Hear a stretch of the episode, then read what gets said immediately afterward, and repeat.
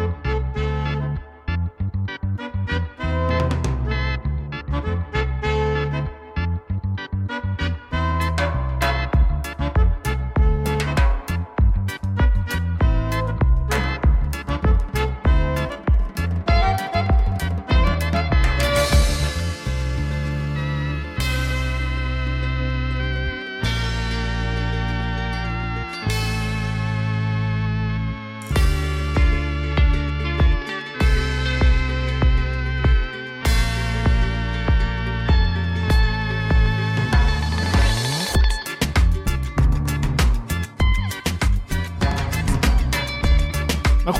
wat, ik wel leuk vond deze week, of, wil jij zelf echt mee beginnen? Nee, we zijn nog niet begonnen, dus uh. Ik moest wel lachen om Thierry. Ik moest, ik moest lachen om Thierry Baudet. Ik vond het wel leuk. Ja, ik volg helemaal niet geen politiek, maar ik vond het wel leuk dat hij uh, iets zei over reptilians. Nou ja, hij zei eigenlijk reptielen, hè? dus het is niet, de reptilians, maar hij heeft wel een keer een interview van David Icke uh, geretweet, blijkt. En, oh, oké. Okay. Okay. Nu denkt iedereen dat hij de reptielentheorie aanhangt. Ja, hij kwam erop terug. Ja, hij is op teruggekomen. Nu zegt hij, het, ja, het is een breed begrip, hè, reptielen. Als je de dikke van Dalen erbij pakt, dan uh, kun je het ook als onmensen, zeg maar, zien. Of, uh, Ja. nou ja. Ja. Ja, kijk, zo kan ik me ook altijd wel verschuilen achter uitspraken, hè, als ik als, als het zou gaan spelen. Maar je ziet dit steeds meer hoor. Want ik, ik, uh, want ik heb zo'n uh, zo'n uh, zo'n draadje op Twitter hè, met alle 33, wat het allemaal, waar het allemaal voorkomt in de headlines en zo. Ik dacht misschien moet ik ook maar een draadje maken met reptielen. Want er komt steeds meer omhoog. Er komt steeds meer. ik zag een stukje. Um, ah, dat kan ik misschien wel even opzoeken. Ik weet alleen ja, we zijn, er, we zijn er toch nog niet officieel begonnen. Ik weet alleen hoe snel. Ja, jij bent wel Maar- redelijk snel met de computer, hè? Uh, dat, dat ik redelijk snel ben. Ja, tenminste, je tovert al wat dingen op het uh, toneel. dus hoe doet hij dat nou weer? Toveren, ja. dat, uh, dat kan ik wel. Uh, even kijken hoe ik dat moet doen hoor. Dit is een, uh, een satirisch stukje in de Volkskrant. Nou, de tijd. En uh, de flexibele opiniemaker heet het, van Thomas Hogeling. En daar staat, uh, ja, elke columnist en zo, die heeft zo'n zo'n plaatje, zo'n foto, dat is dan getekend en uh, al die dingen. Dat heeft dit ook. Maar moet je kijken wat voor plaatje die, die erbij heeft. Nou, maak je me heel nieuwsgierig.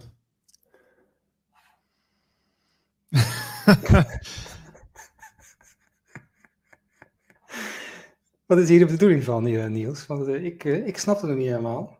Nee, soepgooiende drammers moet je niet hun zin geven. Maar ik, ik heb het niet gelezen hoor. De... Nee, maar dat, dat, gaat niet over het stuk. Uh, Ah, want dit gaat over die, die twee meisjes die helemaal die, die waren gebrainwashed. Hè? Die, die zijn verteld van ga naar dat schilderij van Van Gogh toe en dan gooi je er tomatensoep overheen. Um, dat is heel, dus daar gaat dit over. En iedereen doet net of het, oh, het is een actie voor het milieu en het klimaat. En allemaal een beetje onzin. Het is allemaal voor opgezet natuurlijk. Uh, die meisjes konden ook gewoon blijven staan, hè? Die hadden dat gedaan en gingen toen poseren. En er waren allemaal fotografen opeens omheen. En er kwam niemand om ze weg te halen. En, uh, heel raar. Maar. Uh, er zijn wel heel veel signalen tegelijkertijd, hè? Als, als, als, ze, als het sowieso breed in de media komt en ze, ze mogen gewoon blijven staan. Red flag, come on. Ik kan niet. Ja, nee, dus daar klopt helemaal niks van. Maar de, dit is dus een satire stuk. Dus de Volkskrant zegt natuurlijk van ja, dat het klimaat is heel belangrijk. En maar, maar we doen ook een satire stuk waarin we gaan zeggen dat het helemaal niks meer, dat het niks helpt, zo'n uh, protestactie of zo'n, nou ja, vernieling. Dus daar gaat een stukje over. Uh, maar, die, maar die tekening, die heeft daar dus niks mee te maken. Dat heeft er niks nee. mee te maken. Nee, het slaat helemaal nergens op. Ik zie het verband niet. Nee. Dus ik denk dat dat gewoon van die, van die Thomas Hogeling is. Dat is gewoon, uh, ja, misschien wil hij uh, anoniem blijven of zo. Niet met zijn foto in de krant. Dus dan hebben ze een tekeningetje gemaakt. Maar het is, het is toch, uh, het is een reptiel. Ja, daar lijkt het wel op, ja. En ik zag een andere journalist van de Telegraaf, volgens mij. En die heeft in zijn profielfoto op Twitter ook een reptiel. Oké. Dus ik kom ze opeens overal tegen. En uh, Baudet uh, begint erover en zo. Ja, ja, is wel uit de context natuurlijk weer. Hè? Dus uh, zo worden ze natuurlijk ook geframed. Maar goed, ja, kijk, het is. Ja, je, laatst hadden we daar een korte discussie over. Van, is het nou framing of is het ja, misschien meer. toch een aanzet tot meer bewustzijn, omdat er toch over gesproken wordt. verandert dat nou echt iets in de massa? Ja, dat is de vraag. Het is natuurlijk wel interessant dat die dingen besproken worden in de mainstream media. Ook al is, wordt er natuurlijk nog steeds in een hoekje geduwd van onzin. Maar goed, het is, uh, het is een begin. En uh, ja, kijk, ik, ik vraag me wel af hoe lang ze dit nou nog kunnen volhouden. Hoe lang kan de mainstream media nog steeds uh, het, het sprookje blijven vertellen? zou dat zo lang doorgaan tot zolang ze betaald worden daarvoor? Of, of zouden, ze echt, zouden ze het onbewust doen en echt daarin geloven? Die schijnrealiteit? wat denk jij? Nou, die mainstream media die kan nog wel even vooruit. Tenminste, de. Uh, wat was het ook alweer? Volgens mij was het de Volkskrant ook. Dus die hadden uh, iets, uh, een soort WOP-verzoek aangevraagd bij een of ander ministerie. ik weet niet meer waar het over ging. Maar dat ministerie dat weigert die informatie te geven. Dus heeft de rechter gezegd: jullie krijgen een, een dwangsom dus jullie moeten heel veel geld, elk, iedere dag dat jullie dit niet vrijgeven, moeten jullie dus uh, zo'n bedrag aan de Volkskrant geven. Ja, ja. Uh, en dat ministerie vertikt het gewoon nog steeds. Dus die Volkskrant die loopt lekker binnen. Die wordt gewoon uh, via de achterdeur een beetje gesponsord. Van hier jongens. Maar dat is wel oud nieuws, hè? Dat is al heel lang bekend. Ja, ja dat klopt. Dat, Ja, dat is een paar maanden oud. Maar die Volkskrant die leeft er natuurlijk van. Want die, ja, iedereen loopt er natuurlijk weg qua abonnees. Ja, ja. Nou ja, goed. Uh, we hebben zometeen ook nog Ido Dijkstra, die is van de andere krant. Nog een leuk stukje over Roger Waters, bekende figuur natuurlijk van Pink Floyd. Er staat een persoonlijk stuk in over Roger Waters, maar wel eventjes een detail, want ja, hij wordt natuurlijk een beetje neergezet als kritisch geluid. iemand die ja, oproept tot verandering en, en, en de, de, de pijnpunten in de samenleving um, wil bespreken. Maar toen ik het artikel las van Ido, kwam ik erachter dat, dat, dat hij toch heel erg meeging in het COVID-narratief. dus dat is wel opvallend. Dus we, het is misschien een beetje een wolfs, wolf in schaapskleding. Maar nou ja, Ido kan er zo meteen wel meer over vertellen. Maar ik, toen ik het las, dacht ik eerst van, oh, dat is natuurlijk gewoon leuk dat hij eventjes soort geportretteerd. Maar uiteindelijk toen dacht ik van, oh, hmm, er zit toch een ander smaakje aan dan ik dacht. Maar goed, hmm. dat, uh, dat zullen we zo wel horen. En we hebben later in de uitzending nog uh, iemand die heel veel weet over wildplukken. Carlijn van den Elshout. Die, uh, ja, die geeft er workshops over. Dus hartstikke interessant. Ja, die Roger Waters, die heeft dus een heel, dat was in 2017 volgens mij, een heel album gemaakt. Tegen Trump. Oh, tegen Trump? Het is één groot anti-Trump uh, album met uh, allemaal, uh, ja, het gaat alleen maar daarover eigenlijk. Ehm, maar hij is natuurlijk ook van Pink Floyd, hè? Another Brick in the Wall. Dus ik heb, ik heb um, voor als Ido straks aanschuift, ik heb allemaal hedendaagse protestnummers heb ik verzameld. Oké. Okay. Dus ik kan even doorheen lopen en wie dat, wie dat dus allemaal doen en wie dat allemaal zijn. Kijk, als je googelt op protestnummers, protest, protestsongs van, van nu, dan kom je wel allemaal nummers uit van, uh, uit, uit de woke uh, community. Aha. Dus niet, dus, niet daarbuiten dus?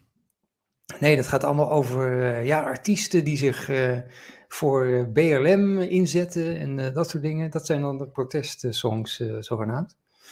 Maar de Eric Claptons en nou ja, het hele rijtje dat, eh, dat, eh, dat is bijna onvindbaar. Dus uh, wordt een beetje onder de mat geschoven allemaal. Ja, nou ja, goed. We weten ook dat de platenmaatschappijen en het grote geld bepalen wie op de radio komen. En ja, wie een echte ster mag worden. Dus ja, zo vreemd is het natuurlijk niet dat de protestliedjes ook over bepaalde onderwerpen mogen gaan die, ja, die binnen het narratief moeten passen. Anders dan, ja, waarom zouden ze zichzelf daarmee eh, in de problemen brengen? Als, als mensen opeens iets horen waar ze het mee eens zouden kunnen zijn, eh, wat tegen het systeem eh, schopt, wat, wat echt tegen het systeem eh, schopt, ja, dat moet je natuurlijk niet hebben. Dus eh, dat is op zich wel logisch. Nou, dat was bij Tim Pool was eh, iemand, eh, volgens mij de zanger van Adelita's Way, een Dat rockbandje. is wel gehoord. Nee, dat is niet zo vreemd dat je daar nooit van hebt gehoord. Want die, want die zijn overal, die zijn overal door elke platenmaatschappij zeg maar eh, uitgespuugd. Want die, die wouden gewoon niet meedoen. Ehm, die, en die vertelde dat eh bands, die krijgen dus opgelegd vanuit de platenmaatschappij of van een manager of weet ik wat, om bepaalde dingen op social media ook eh, te posten. Echt waar? Ook nog op social media. Ja, die, die moeten gewoon, ja, die moet, ja, die moeten gewoon meedoen. En als je daar niet aan meedoet, dan eh, ben je je plaatcontract kwijt. Dus dan krijg je gewoon eh, een, eh, weet ik veel, een appje van, hé, hey, er moet even een regenbogenvlaggetje of Oekraïne-vlaggetje op jullie, op jullie bandpagina komen. En dan moet je dat, ja, dan heb je eigenlijk geen keuze om dat te doen. Nou ja, dat hebben we ook gezien nou bij die, die aanvoerder van het eh, voetbalteam van Feyenoord. Die ook dat, eh, die, aanvoerdersband niet wilde dragen. Want dat was natuurlijk ook een regenboogvlag. Maar ja, dat gaat dan eh, voorna- voornamelijk uit van de LHBTI-community volgens mij. En nou ja, en ik zag dat ehm, onze grote vrolijke vriend Dominic Gremdaad daar heel erg tegen inging in een fragmentje. Ik vond het heel leuk eigenlijk. Ik dacht, nou, dat is een serieuze dominee geworden. De grapjes kunnen niet meer. Nou, als, het, over homo's gaat, dan... ja, Nee, goed. maar hij, hij wil het ook allemaal uit, eh, opleggen, hè? Hij, hij vindt gewoon, eh, iedereen moet een bandje Ja. op. tuurlijk. Ja, ja, daarom. Dus dat, maar dat, dat wordt dan op een of andere manier dat, eh, wordt dat niet gezien of zo. Dat, is dus- maar goed, dat is wel opvallend, hè? Dat, dat, ehm, dat, dat toch die, ja, die mainstream media dat, dat zo in hun eigen tunnelvisie kan blijven. Dat vind ik toch, ja, ik het blijft me verbazen, maar ik ben ook daarom altijd, altijd weer blij als ik die fragmenten zie dat ik geen tv meer heb. Kan ik me er ook niet meer aan eh, storen, want eh, ja, weet je, het, je kunt beter je tijd ergens anders eh, aan besteden dan geïrriteerd op de bank zitten. En sowieso, die, die programma's die gaan er echt helemaal nergens meer over. En dat vind ik ook wel weer leuk om te zien. Ik denk van, nou ja, tja, tv. Ja, ik vind het helemaal niet leuk. Nee? Ik zag, ik zag dat fragmentje van eh, die Gremdaad en denk ik van, oh jongens, oh, jongens, wat zijn jullie aan het doen daar? Ja, Er, er wordt ook helemaal niet eh, gestuurd op zeg maar een soort oplossing of zo. Het is alleen maar, eh, nee, mensen moeten, zich, eh, moeten dat doen, moeten zich zo gedragen. Dit, dit, moet- dit moet de wereld uit. dit, Ja, maar ze trappen dit. volledig in het spel van verdeel en heers. Want Ja. er worden weer twee groepen tegen elkaar overgezet. Hè? Het zijn in dit geval dan de, de homo's en de Marokkanen of whatever. En die gaan lekker botsen en dan wordt er thuis weer ruzie over gemaakt. En dan, nou ja, je weet hoe dat gaat in de sociale context. Nou, dat is precies wat de bedoeling is. En dan het volk blijft lekker bezig. En ondertussen op de achtergrond lopen allemaal leuke agenda's die, eh, ja, die veel groter zijn. En eh, dat, dat ziet men dan blijkbaar niet. Dat vind ik, vind ik toch eh, fascinerend. In die, dit soort tijden leven wij gewoon. Maar even terugkomend helemaal naar het begin. Ja. We hadden het over Thierry Baudet en, en de reptielen die overal hun kop opsteken. En, je, en eh, we hadden het inderdaad over, maar dat was met eh, Spijkers met Koppen toen. Oh ja. Dat ik zei van, eh, ja, maar dit, dit brengt al die, al die denkbeelden, perspectieven, of hoe je het ook wil noemen, brengt dit gewoon in, in het collectieve bewustzijn. Mensen raken hiermee in aanraking. Het is dan wel via een grapje en belachelijk maken, maar ze horen het toch. Dus eh, het komt steeds eh, meer naar de voorgrond voor iedereen. En dat is, dat, dat is niet gestuurd, ook met Jerry niet en, en met, met, die- met die rare Volkskrant niet. Dat is een soort van, een soort, volgens mij is het gewoon een soort natuurlijk proces. Dat er gewoon, eh, dat veel meer naar de voorgrond, voorgrond komt. Nou ja, en ook een beetje mede dankzij social media. Want eh, al die korte video's worden natuurlijk wel gewoon ge- ge- geüpload. En daar, kun- kunnen ze toch weinig tegen doen. Ja, ze kunnen het wel sturen in een bepaalde richting. Maar ze kunnen niet eh niks aan doen tegen de ja, continuïteit van de, de, de mensen die eh, daar tijd in steken, die het produceren. Daar kunnen ze niks aan doen. Dus ja, ja, wat dat betreft is het wel weer een interessante tijd. Maar uh, we zouden eigenlijk iemand in de uitzending moeten hebben die uh, ervaring heeft met reptilians. Uh, ik ken mensen die ze hebben gezien. Um, meerdere mensen zelfs. ja, het is, het, is, het, is, het is een vertoning, het is een ervaring in een andere werkelijkheid. Um, dat is niet, dat is geen complot. Um, voor heel veel mensen wel, maar voor mij niet. En uh, ik vind dat we dat serieus moeten bespreken. Dat is geen. Uh, ja, ik, ik, ik vind, dat vind ik dus de, serieuze zaken waar Radio Gletscher ook voor bedoeld is. Om dat soort dingetjes dus um, aan het voetlicht te brengen. En uh, het uit, de verdom, het oude, uit het verdomhoekje te halen. Dus als mensen luisteren die, die zich geroepen voelen en zeggen: Nou, ik heb ervaring met dit soort wezens. stuur even een, een mailtje naar info.radioglacier.nl of naar mijn eigen mail mag ook. Uh, en dan gaan we graag met jou in, in gesprek, want uh, belangrijke onderwerpen. Zeg nou eens heel geks, Marlijn. Uh, nee hoor. Maar, komt iemand aan? komt iemand aan? Nee, ik dacht dat je zat te kijken. Misschien komt iemand aan. nee, nee, we hebben het hier wel vaker over de reptilians. Maar er zijn natuurlijk ja, nog veel meer van dat soort entiteiten. Volgens mij is het hele universum gevuld met allerlei uh, soorten. Uh, en zij zaten in de, welke dimensie ook alweer? Volgens mij de vierde. ja. Martijn van Staveren die zei uh, jaren geleden al, en hij heeft er heel veel ervaring mee, het krioelt echt van het leven in het universum. Is echt niet normaal. we, zijn, we zijn zo vakkundig afgestemd op de, de vijf zintuigen. En uh, ja, dat houdt je echt in een redelijk lage vibratie, uh, waardoor je dus gewoon uh, die andere werelden niet kunt waarnemen. Ehm, ja, en als je in een hoger bewustzijn komt, dan, dan ga je opeens andere dingen ervaren. Dus sommige mensen hebben al een hoger bewustzijn van zichzelf. En die, gaan, die, die ja, die hebben het van kinds af aan al meegemaakt. En nou, ik, vind, ik vind het heel belangrijk om te vertellen. Dus ja. Nou ja, als alles energie is, dan is alles ook. Uh, in, in, alles zit een bewustzijn.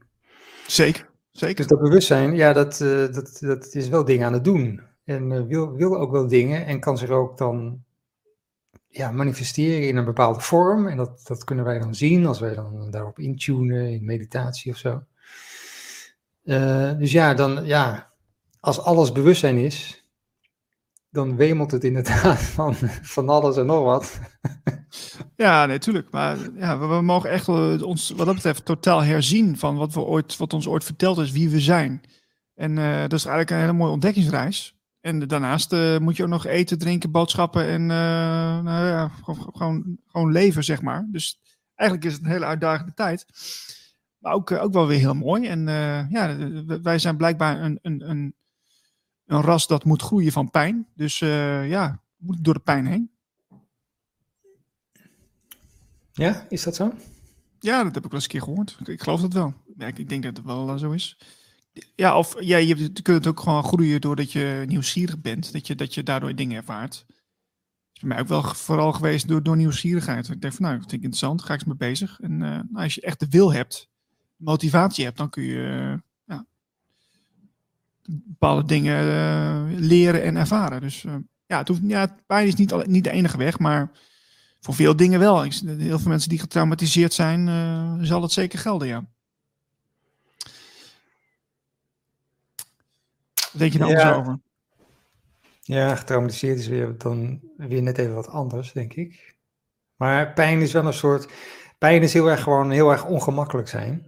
Dus dat kan, dat kan een soort duwtje zijn om je, om je een andere kant op te duwen.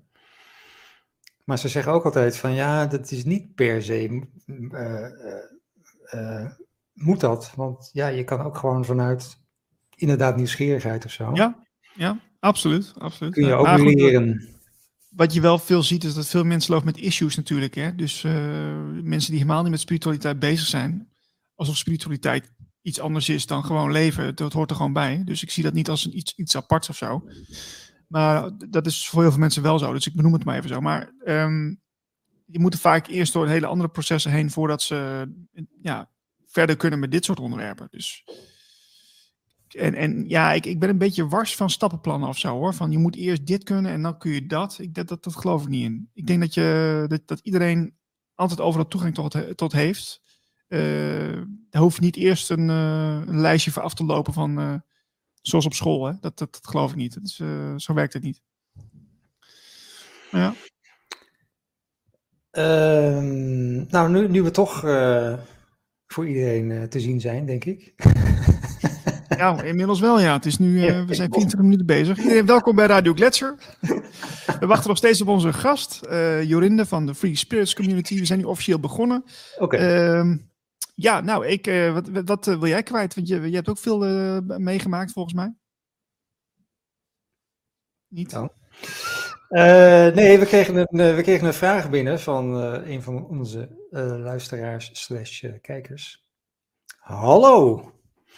Bedankt weer voor de nieuwsbrief en jullie informatieve video's. Afgelopen week hebben jullie een korte video geplaatst over het, over het gesprek met Anneke Lucas. Heel goed dat jullie aandacht besteden aan dat zo belangrijke onderwerp. Onder de video had ik twee reacties met een link naar mijn videokanaal geplaatst voor de kijkers en voor jullie zelf, om dieper in het onderwerp te duiken. Zodat mensen niet alleen weten dat SRA uh, en satanisme bestaan, maar juist ook de verbanden gaan zien en uiteindelijk bewust zijn van hoe het systeem draait, waar we allemaal in gevangen zitten. Helaas zijn mijn reacties verwijderd. Nu vroeg vraag ik me af of jullie ze verwijderd hebben of dat dat door YouTube is gedaan. Ik verneem het graag. Goed, Petra. Pimpernel heet ze op YouTube en BitChute. Oké. En ik heb even gekeken in, uh, in de backroom van uh, YouTube. En dan kon ik inderdaad niets vinden. maar uh, ja, YouTube heeft. Um, en ik weet, ik, ja, niemand weet die lijst. Maar YouTube heeft wel een soort lijst van allemaal zeg maar woorden. Als die ergens in een reactie voorkomen, dan zeggen ze van die halen we eruit. Exit. Ja. Maar waar YouTube nog veel meer een hekel aan heeft zijn links in de reacties. Dus daar zou het heel goed ook door kunnen komen, omdat er een link naar een website of volgens mij binnen YouTube is ook zelfs een probleem. Als dat in de comments eh, staat, dan uh, zegt YouTube uh, die filteren, filteren we eruit. Dus, ja, nee, voor duidelijkheid, Petra, wij, wij verwijderen helemaal geen links van mensen, reacties niet. Ja, mits het natuurlijk een hele rare reactie is, buiten de context, beledigend of wat dan ook. Maar dit soort dingen verwijderen wij niet, dus dan weet je dat. Ja, wel vreemd, maar goed, het is, dat is de maar tijd waar we zitten. Iedereen op YouTube heeft hier last van hoor, dus... Daarom, als je ergens een reactie achterlaat en hij is niet te zien of zo, dan, nou, dan heeft dat... Ik heb het uh, meegemaakt met de nieuwe tijd zelfs. Vorige week heeft iemand gereageerd als een normale reactie. Iemand die complimenteerde mij met de uitzending. En een paar dagen later was de reactie weg. En ik weet niet of die persoon het zelf gedaan heeft, maar ik, ik heb niks gedaan. Dus heel bijzonder. Ja? Hmm. Maar goed. Ja, ik, ik krijg ze ook wel eens in de mail. Dan krijg ik van YouTube een mailtje.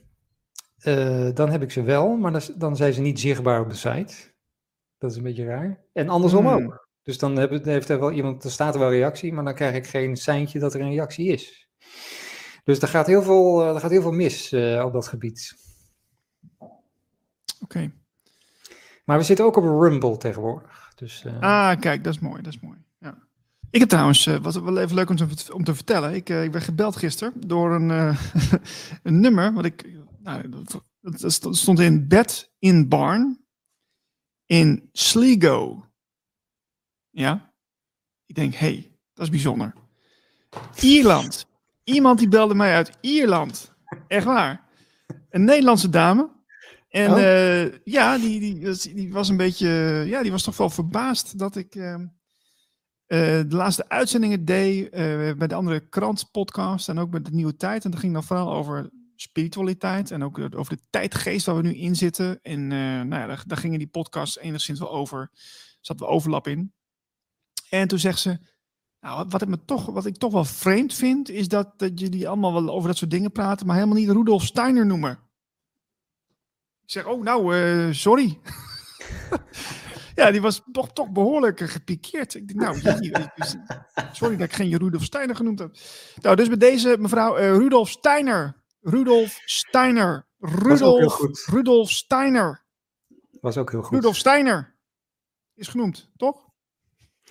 Ja, Ruudje. Ruudje, zoals ik het noem.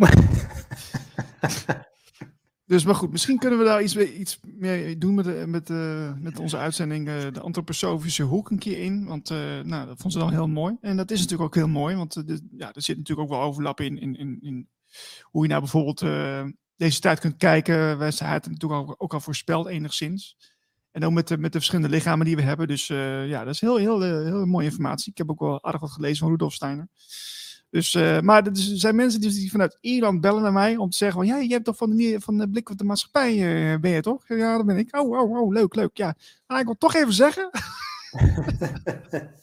Nemen ze gewoon de moeite voor. Maar ze wou zelf niet, uh, ja, ze kan zelf ook er iets over vertellen, toch? Ja, dat zou nog kunnen, ja. Ja, goed. Ja. Zo blijven we wel bezig natuurlijk hè, met alle verhalen. Dus uh, laten wij dan gewoon ons ding doen. Als we iedereen aan het woord laten, wordt ook niet beter van, denk ik. Maar goed. Wel leuk. Leuk hoor. Leuk, leuke reactie dat mensen dat doen. Vind ik uh, grappig. Um, ja, nou, we zijn een half uur bezig. Uh, we zitten een beetje zonder programma, dus dit had ik niet verwacht. We hebben ja, verdorie drie gasten en nu zitten we gewoon een half uur. ja. Het is, het is wel zo dat wij heel af en toe uh, zo'n dag erbij hebben. Want we hebben af en toe zo in de, in de serie, hebben we gewoon zo'n dag, dat ook niemand kan. Kan. Of, of, uh, of er wordt afgezegd uh, op het laatste moment, of weet ik veel. Er is altijd één zo'n dag, wat gewoon, gewoon nooit wil lukken. Dat is wel apart. Dus ik weet niet wat daar dan de bedoeling van is. Misschien omdat wij dan iets moeten channelen samen. Dat het dan, dan komt er iets boven. En dan, dat is belangrijk dat mensen dat dan horen. Misschien is het ja, zo. Misschien zou kunnen. Ja, ik. Uh, ja. We kunnen natuurlijk overal wel een beetje op aanhaken. Ik zit een beetje te zoeken, maar. Heb jij. Uh, wat, wat ga je met de talkshow eigenlijk doen uh, deze week? Heb jij alweer een nieuwe uitzending of niet? Ja, ik ga het. nou ja, hij is, hij is in voorbereiding. Dus als dit online komt, dan staat hij al online. Um, maar het is een beetje. Um, ja, is het leuk om te vertellen hoe ik dat schrijf? Want het is ja, ja, vind ik wel. Ja, er zijn mensen ook wel geïnteresseerd, denk ik, hoe jij dat schrijft. Nee, maar ik maak geen grap, dit is echt.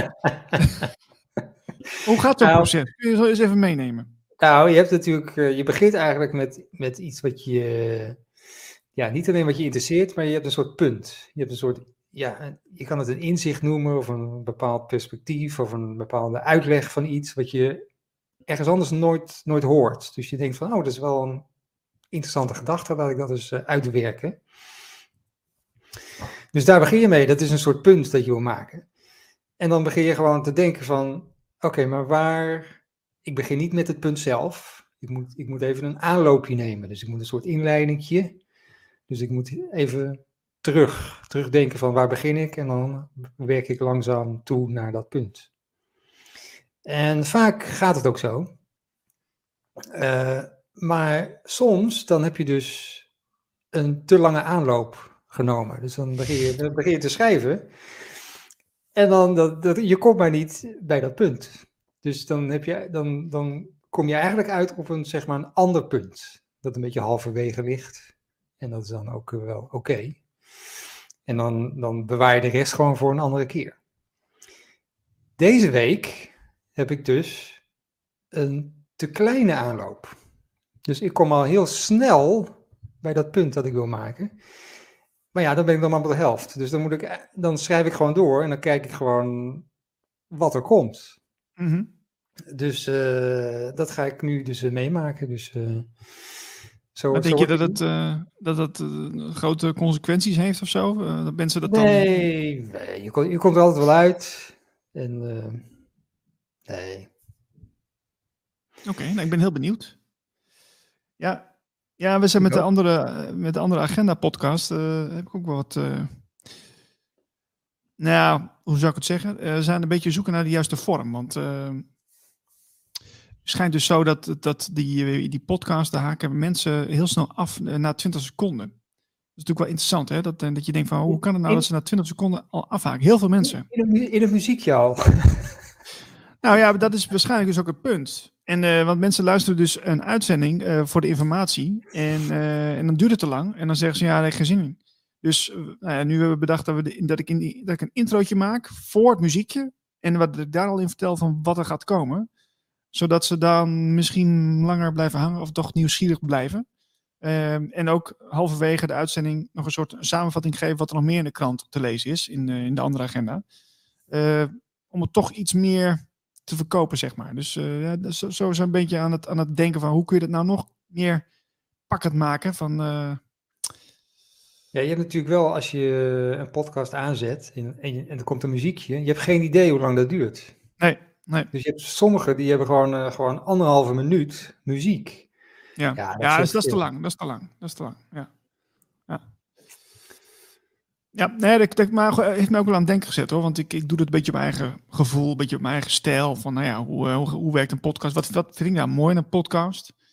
Maar ja, ik ben natuurlijk wel iets aan het maken voor een ander. Dus uh, die willen daar resultaat mee. En die denken anders dan ik. Dus die zeggen, ja, we moeten leveren, we moeten mensen binden. En die, willen, die moeten informatie hebben. Dus je kunt wel leuke muziek draaien, maar ja, dat, dat hebben wij niet zoveel aan. Dus dat, dat is ook weer voor te zeggen. Dus zo leer ik er ook weer van.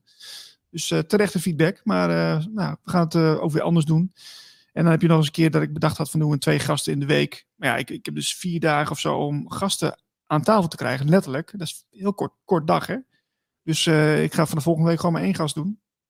Want ik wil wel mensen echt spreken, aan kunnen kijken, eh, aan tafel hebben met, met mijn apparatuur. En niet via Zoom of zo, weet je wel. Of, of bellen, want het, het kan natuurlijk wel. Maar dan hou je wel, ja, het is wel minder kwaliteit. Het is minder leuk. Het is meer, komt minder goed over. Um, dus ja, dat zijn allemaal van die fine-tune dingen uh, voor een podcaster waar je dan wel rekening mee moet houden. Maar goed, het is een leuk leerproces. Nee, ze staan wel in de agenda, dus ze hebben wel, ze hebben wel iets uh, te promoten en zo. Dus ze, ja. zijn vaak wel uh, gewillig om mee te doen, denk ik. Ja, dat is ook zo. Alleen, ja, het is, ik merk wel, soms is het verschil van het ene gesprekje met het andere gesprekje hè, is wel vrij groot qua kwaliteit. Uh, nog niet eens per se over de inhoud hoor, want de inhoud is vaak wel leuk. Maar als je de ene wat blikkeriger hoort en de ander gewoon uh, haarscherp, ja, ja, dat kan niet. Dat is. Uh... dat kan niet. Nee, dat kan, dat kan echt niet. Dus, maar goed. Maar goed, tot zover de, de, de, de, de inside information van de podcasters. Um, ja, ik, ben, eh, ik heb trouwens een leuke gast binnenkort. Nou, dat ga ik toch even zeggen.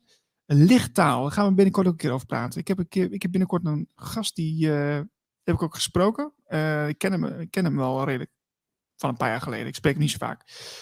Toen gingen wij uh, lunchen binnen, afgelopen week. Um, en toen ging hij in lichttaal naar mij praten. Zo tegen mij spreken in lichttaal. Dat is heel bijzonder. Er zijn iets van 100.000 mensen op de wereld die lichttaal kunnen spreken. En hij is daar één van.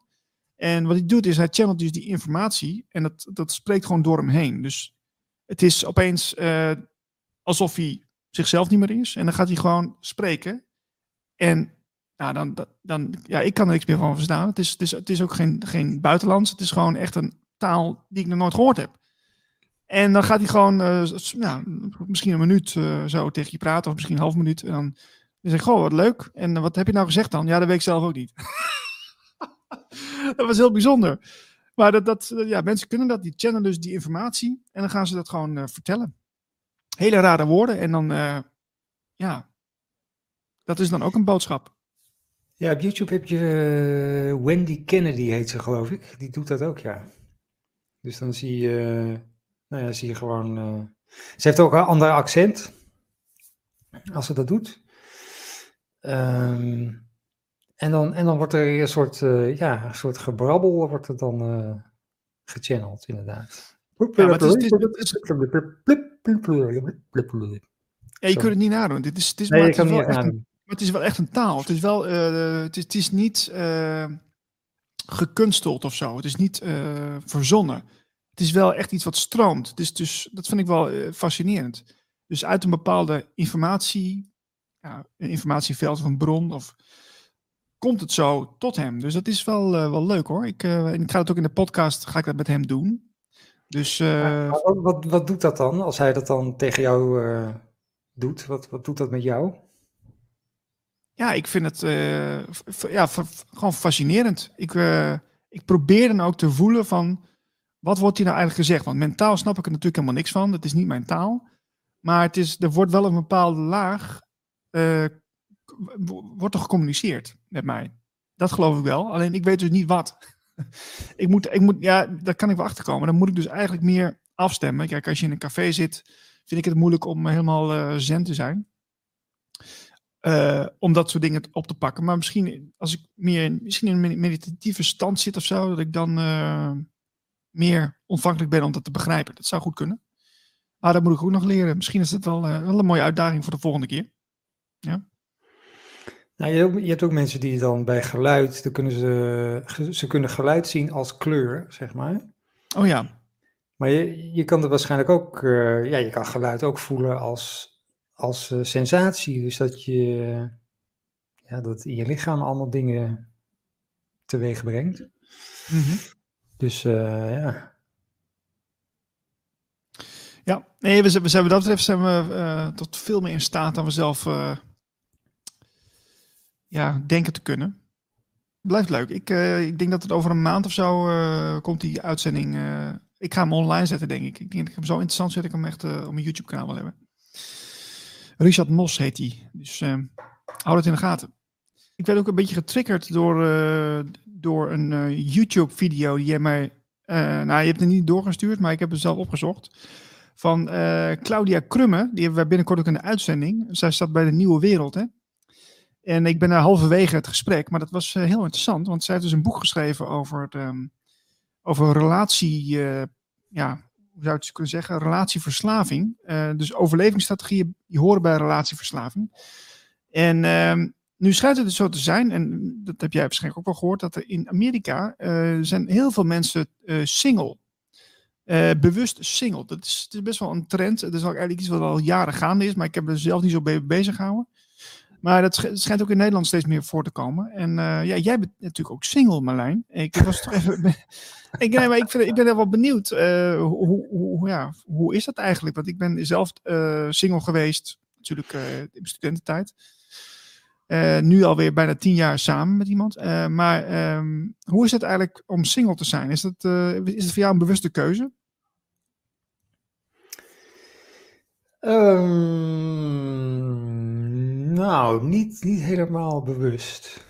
Het, is, het was meer dat uh, mijn relatie uitging. En toen had ik zoiets van, uh, dit nooit meer. oh, okay. Ja, nou, dat kan ook. Dus, maar dat lag vooral aan, um, uh, aan dat je je gaat aanpassen. Dus je wil heel graag, dat is ook weer dat het oude riedeltje dat je denkt van, oké, okay, wat wordt er van mij verwacht? Nou, dan ga ik me daar, uh, dan ga ik dat zo goed mogelijk proberen te doen, wat er van ja, mij ja. verwacht wordt. En dat is natuurlijk in relaties, dan wordt dat uitgesproken, maar er wordt ook heel veel dingen natuurlijk niet uitgesproken. En dan uh, is het van, uh, ja, maar ik, heb, ik zei dit, maar ik bedoelde dat en je deed nog iets anders. Mm. Dus het is allemaal niet goed. Um, en toen dacht ik, ja, ik ben hier ook gewoon helemaal verkeerd ingestapt in de relatie, helemaal aan het begin. Uh, doordat je, ja, je probeert je aan te passen, je probeert zo leuk mogelijk te zijn, je probeert de beste versie van jezelf te zijn, het hele versier hè, spelletje wat we allemaal uh, doen. Maar ja. je, je, daarmee creëer je wel een valse versie van jezelf eigenlijk. Ja, ja, ja zeker. Ja. Dus als je ook nog, als je dat spelletje speelt en je ook nog denkt van, nou ja, dat hou ik wel vol. uh, dan, dan, ja, dan, er komen steeds meer krasjes en, en uh, dingen. Ja, maar dan, dan, dan ben je ook niet helemaal jezelf dus. Nee, en, en, je, en ja, je doet het aan de ene kant voor die andere persoon, want die is toch op, op, op dat beeld dan gevallen. Dus dan ja. wil je dan voor die persoon ook gewoon volhouden. Um, en, je, en je doet het ook een beetje voor jezelf natuurlijk, want je wil ook weer niet die relatie kwijt. Of, uh, dus... Ja, maar dat was in jouw geval was het dus dat je, dat je ja, op een bepaalde manier verkeerd hebt, hebt uh, bent ingestapt, laat ik het zo zeggen. Op een bepaalde manier die, die, die iets te ver van jou vandaan stond. Zeg ik het goed? Nou, het is, het is, uh, ja, het is, ja, als je iemand versiert, dan probeer je dat, je probeert de beste versie van jezelf te zijn. Dus je probeert allemaal de goede eigenschappen uit te vergroten en de minder goede probeer je eigenlijk niet te laten zien. Um, dus ik denk dat heel veel mensen dat zo doen. En dan op een gegeven moment, dan laat je steeds meer dingen, uh, niet los, maar dan laat je steeds meer dingen zien van kijk, dit, dit ben ik ook. Dit ben ik ook. Dit, dit, dit zit eronder. En die ander denkt van, uh, ja, maar uh, waar kom je nou mee aanzetten? Dat, dit was niet de afspraak. Zo zijn we niet getrouwd. maar goed, zoveel... Dat, dat, is, kijk, we, ik ben nu bijna tien jaar samen en dan, ga je ook die stadia door. Hè? Dus inderdaad, wat jij zegt, natuurlijk, ja, in het begin is het allemaal mooi en leuk. En het gaat natuurlijk langzaam over in houden van. Um, en, um, maar je gaat inderdaad ook die, de, de je, gaat, je, ja, je, je wordt steeds meer jezelf.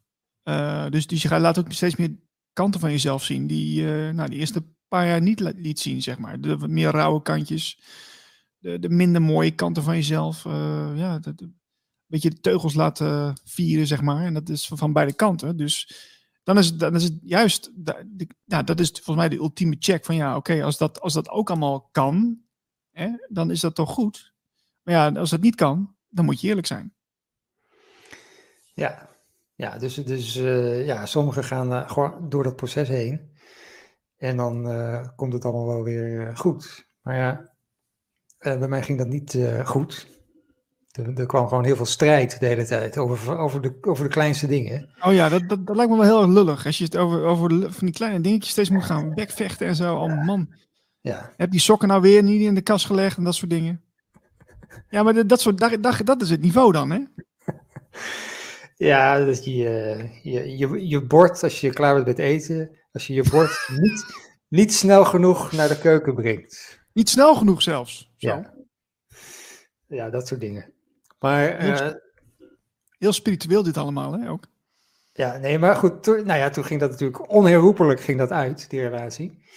Maar toen heb ik eigenlijk tegen mezelf gezegd, ja, dit ga ik niet uh, nog een keer zo doen. Ik ga gewoon eigenlijk, en ja, de, daar, dat is echt een, uh, daar ben ik nog steeds mee bezig om dat uh, te doen. Namelijk dat je zoveel mogelijk jezelf, je zoveel, ja, zo authentiek mogelijk bent in alle situaties als je dat, eh, dat was de theorie, dat ik dacht van als ik dat ben en er komt iemand, een leuk iemand, die daarop valt, dan valt ze wel op, ja, op, de, op, op wie ik ben, op de juiste persoon. Op, uh, ja. Ongecensureerde versie. De ongecensureerde versie, ja. Ja. Um, maar het is natuurlijk wel een, ja, dan moet je ook echt wel met jezelf aan het werk, want je gaat opeens allemaal uh, dingen die gaan je opvallen van hoe je je gedraagt. En oké, bij die gedraag ik me zo en bij die zo. En eh, in die situatie zo. Ja, uh, ik, ik, ik, ik, ja, ik zet mezelf een klein beetje buitenspel soms. Of, uh, en dat is, ook wel, dus dat is ook wel even interessant om even over te hebben. Dat je in. Dat elk mens is natuurlijk bij elke situatie anders. Hè? Je, bent, je bent weer anders bij je ouders dan bij je vrienden. En um, maar wat is dat toch? Dat is dat dan die, die, die persoonlijkheid die afgesplitst is op net op een andere golflengte of zo, uh, zodat die uh, dan eventjes meer binnen de lijntjes praat en dan in andere situaties in een café uh, wel weer die grove grap maakt of zich uitlaat over dingen. Is, is dat dan, is dat gewoon, zijn dat gewoon persoonlijkheidsswitchen, zeg maar? Hoe zie jij dat? Um, ja, ja, je hebt, je hebt enorm veel persoonlijkheden in jezelf zitten die sommige mensen, eruit, sommige momenten eruit komen en sommige mensen ja. niet. Ja, dat is wel, dat is wel zo. Uh, maar als er, als er dus een persoonlijkheid naar buiten wil en je houdt dat tegen, omdat het sociaal niet wenselijk is of weet ik veel, ja, dan, dan, dan ben je niet authentiek. Dan zit je gewoon jezelf te onderdrukken. Ja, maar goed, ook, ook dat, die andere versie van jezelf, uh, die, ja, die, toch, die je dan toch laat zien, dat, dat ben je ook natuurlijk, hè? Ja, je bent het, ja, je bent het allemaal. Je bent het allemaal. Maar, maar ik dan denk... onderdruk je die ene versie omdat het dan ongemakkelijk wordt? Of, of... Nee, eigenlijk laat je, laat je gewoon komen wat er in het moment gebeurt. Je hoeft, je hoeft niks te onderdrukken in principe. Maar als Nee. je bij, bij een heel deftig eh, diner zit en eh, je, hebt toch, je hebt toch de aandrang om, om iets te doen wat daar, wat daar niet mag, wat niet volgens de regeltjes is. Ja. Eh, of een opmerking te plaatsen, of weet ik veel, ja, dan, eh, dan onderdruk je dat deel, dat deel van jezelf. Ja, dat maar is dat is toch best onnatuurlijk? Dit is Is ook dat- cultureel. Ja, dat is cultureel. Dat is heel erg cultureel. Dat is bij de groep willen horen. En, en ook één op één, maar ook in een groep. Van oké, wat is, wat kan hier en wat kan hier niet? In plaats van dat je zegt van ik ben authentiek, ik ben overal eigenlijk ja, niet hetzelfde. Ja. Nee, maar dan ben je dus niet authentiek, eigenlijk. Eigenlijk niet. Nee, Nee. Maar dat doen we Nee, allemaal. dat hele groepsdenken en je aanpassen, en, eh, dat, dat is niet authentiek, nee. Nee. Maar dat, jij bent er wel mee bezig om dat toch wel steeds meer te proberen of te, te zijn. Ja, dat is, dat, is, eh, dat is ook wel een van de redenen geweest dat ik op YouTube eh, ben gegaan eigenlijk. Oh, Want het, dan, want dan, You- YouTube was een beetje een stok achter de deur. Dus om, eh, oké, ik ga nu gewoon, ik, ik zet de camera aan en nu ben ik gewoon mezelf. En het, het voordeel van YouTube is ook dat je dus niet in een groep zit. En je, je weet niet wie er kijkt. Dus ja, je kan ook alleen maar jezelf zijn. Dus, dus dat, is, dat, dat is een soort oefening is dat geweest. Om dat eh, toch, toch in de openbaarheid te doen. Dat is toch een stok voor de deur, want wordt, eh, camera wordt allemaal opgenomen en dingen. Ehm, en eh, ja, dus, ja, het is een soort oefening geweest om dat zo te doen. Hm. interessant. Ja. Ja, dat zou voor meer mensen wel goed zijn. Om eh, meer zichzelf te zijn. Ja, dat eh vergt ook wel moed, hè? Want ja, je komt dan wel eh, vaak in, in, in conflictjes terecht. Of eh, mensen die denken, oh, nou, nou, nou, dat ken ik van jou niet, eh, Marlijn, eh, die, eh, die houding. Oh, oh, ben je nou, eh, ben je, stem je FVD dan? Wat, u- wat, oh, ben je, wist, wist ik niet, joh. Goh. En weet je, maar dat is, hoe ver durf je te gaan, hè? Ik, stem, eh, ik stem niet, hè? Even voor de goede. Nee. maar goed, Nou ja, je, je hebt wel, je hebt wel, eh, nou je hebt, eh, hoe heet ze? Ehm, eh, Little, Apostate heet ze. Ze is op Twitter. Zit ook op YouTube trouwens. Maar die krijgt bakken kritiek over de heen. Want die heeft al, ja, die is gewoon heel uitgesproken. Die heeft allemaal uitgesproken meningen over eh, de mannen van vandaag en de vrouwen van vandaag. En eh, dat je gezond moet leven en nou ja, allemaal dat soort dingen. Ja, dat triggert enorm, enorm veel. Dus die krijgt allemaal kritiek. Ja, wat vind je eigenlijk van, eh, Marlijn? Iedereen zit al als een soort van pastoor eh, het te wijzen, vingerwijzen van, ja, je moet wel gezond eten en biologisch en eh, Als een soort dominee. Gremdaad. Als een soort dominee die zegt van je moet een bandje met een regenboog om.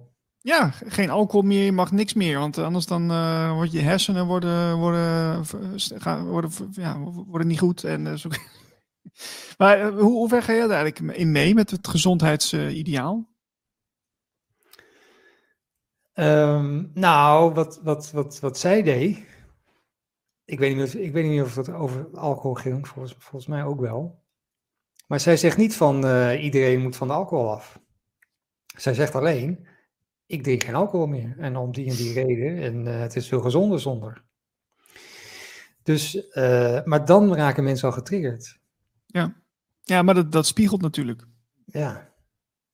Maar hoe ver ga ik er zelf in? Ja, ik heb ooit. Ik had bij. eh, ik had Chinees eten gehaald. Ja. En eh, toen kreeg ik eh, voedselver- voedselvergiftiging. Dus ik heb eh, een paar dagen gewoon niks gegeten. Dat, eh, dat stroomde er overal uit. En op een gegeven moment dan is het, is het over. En dan begin je weer langzaam met eten. En dan begin je heel met heel licht eten. En toen dacht ik van ja, dit is eh, super. Ik had natuurlijk dagen niks gegeten, dus alles is lekker. Maar eh, dat, dat, ja, dat smaakte zo goed. En het was allemaal vers en eh, licht spul. Toen dacht ik, ja, dit moet gewoon eigenlijk elke dag zo zijn. Dus ik, hè, waarom nou weer meteen de, de patat en de kroketten erin? Dat is helemaal niet nodig. Dus toen ben ik eigenlijk gaan. Uh, toen, toen, dacht ik eerst nog van: oké, ik ga gezond eten vanaf nu. Maar goed, dan kom je erachter dat je helemaal niet weet wat gezond is. Want ik dacht ook, ja. Uh, sinaasappelsap, er zit toch sinaasappel in? Dat is toch gezond dan? Ja, dat is dus helemaal niet gezond. Dus uh, toen ging ik kijken van: oké, wat. wat wordt hierover gezegd? Wat zijn er boeken, welke boeken zijn hierover? Hoe zit, hoe zit dat met dat voedsel? En wat kun je eten? En wat heb je nodig? En wat zit er allemaal in? En uh, toen heb ik eigenlijk de jaren daarna steeds meer eruit gegooid. Dus ik heb eerst heel veel eruit gegooid. Dus uh, ja, al die uh, koolhydraten, al die, die pasta, rijst, brood, aardappels. Gewoon allemaal eruit gegooid. Dat is, wel weer wat, dat is wel weer wat van terug nu, maar met hele kleine hoeveelheden. En toen viel ik ook behoorlijk wat af. Ja, dat zal ja. ja. Uh, maar ik werd wel energieker. Dat was het leuke. Dat was echt het leuke. dacht ik van Interessant. ja. Ik heb, ik heb tussen de middag heb ik wel heb ik gewoon wat sla gegeten. Zoals zat wel van alles in. Ja, goed. Sla. En dan heb je eind van de middag echt wel knetterende honger. Maar ik was toch, ja, toch op een of andere manier eh, energiek en actief. En uh, ja, toen dacht ik van, ja, hey, hoezo, hoezo, hoezo kan dit slecht zijn? Want er wordt natuurlijk uit je omgeving wordt er op je ingepraat. Van uh, nee, want je krijgt tekorten aan dit en tekorten aan dat. En, uh... Nou, daar wil ik wel even wat over zeggen. Want uh, de, de, dat, dat is, ik denk dat het heel persoonlijk is. Ik denk dat elk mens anders is afgesteld. En um, dan moet je voor jezelf uitzoeken wat je nodig hebt. Dus, dus niet, het is niet zo van, dus één stelregel en dan valt iedereen onder. En uh, dat is gewoon lulkoek. En ik denk dat, dat, het, dat mensen daar zelf achter moeten komen. Ja. Um, dus ja, ik, ik ben zelf redelijk. Nou ja, wij eten wel wij eten vrij gezond. Mijn vriendin kan goed koken. En we eten wel drie keer op een dag. maar het varieert een beetje wat. Dus we, we eten wel, wel gevarieerd. Maar um, ja, wat ik wel merk is dat, dat ik minder, als, als ik gedronken heb een keer een avondje, en dan nou, drink ik wel wat, biertjes of een wijntje, en dat ik dan de volgende dag toch uh, minder energie heb en ook ja, uh, minder scherp ben. En dat is natuurlijk logisch, maar bij mij is het wel inmiddels zo dat ik voorheen, in mijn, jeugd, kon ik wel aardig wat drinken, vond ik leuk. Veel leuke avonden mee beleefd, maar dat doe ik dus nu niet meer zo op die manier. Maar ik merk wel dat als ik dus ook een keer kies voor een paar wijntjes, of nou we zeggen drie, vier, vijf, dat ik dan de volgende dag ook al voel dat het al uh, mij minder energie geeft uh, en dat ik minder scherp ben. Dus ik, merk, ik, denk ook dat dat de, een beetje de tijd is dat ik da daardoor, um, doordat die energie op aarde zo verandert, dat is een beetje mijn theorie. En dat ik daar heel gevoelig voor ben en dat ik dat, daar bewust van ben en dat ik daardoor ook dat soort dingen minder meer kan doen. Dat is mijn uh, uitleg. Maar uh, voor de rest eet ik nou, toch wel redelijk bourgondisch. Maar niet veel uh, patat of zo. Of snacks, dat doe ik niet. McDonald's ben ik al lang mee gestopt. dat soort funzigheid. dus wel veel groenten. Veel groenten. En ehm, ja. Ja, toen, toen, ik, toen ik afviel, dan, dan mensen waren ook een beetje bezorgd. Van, er, gaat heel veel, er gaat nu wel heel veel af. Ja. Maar ehm, je stabiliseert je staat, het, gaat niet, het gaat niet door of zo. Het gaat niet, eh, dat je opeens 30 kilo bent. Dat, dat, nee. dat, moment komt nooit. Je komt gewoon, je stabiliseert op een bepaald gewicht dan. En, uh, maar goed, ja, iedereen moet het zelf uitzoeken. Want je hebt ook mensen die alleen maar vlees eten. Alleen maar. En uh, dat, dat helpt dan ergens tegen. Dus het is echt hoe je gebouwd bent. Maar ja, je moet je er wel in, een beetje in gaan verdiepen. Want uh, ja, uh, niet denken van het ligt in de supermarkt, dus het zal wel goed zijn.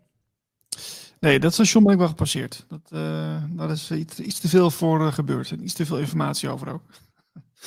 ik heb trouwens ook, ja, dan komt deze week mijn uitzending, wat nieuwe tijd. Voor de donateurs het gaat over vlees eten in de toekomst. Met Elze van Hamelen. Dan gaan we eventjes de situatie bij de boeren even doornemen. En ook nou ja, hoe zij de toekomst ziet met het het kunstmatige vlees, wat natuurlijk uh, nu in grote getalen over ons wordt uitgestort, en het oh. insecten eten. Uh, dus uh, voor de donateurs, die kunnen lekker een uurtje kijken aanstaande vrijdag, 8 uur, komt hij live voor de donateurs. Wat weet jij over insecten? Want ik, ik zie allemaal berichten daarover. Dat in insecten, daar zit, daar zit iets in wat eh, niet goed is voor ons. Dus wel, het schijnt, helemaal, schijnt heel erg voedzaam te zijn en bla bla bla. Maar er zit één, één ding, één stofje, of weet ik veel in. Dat kunnen wij niet verwerken of zo.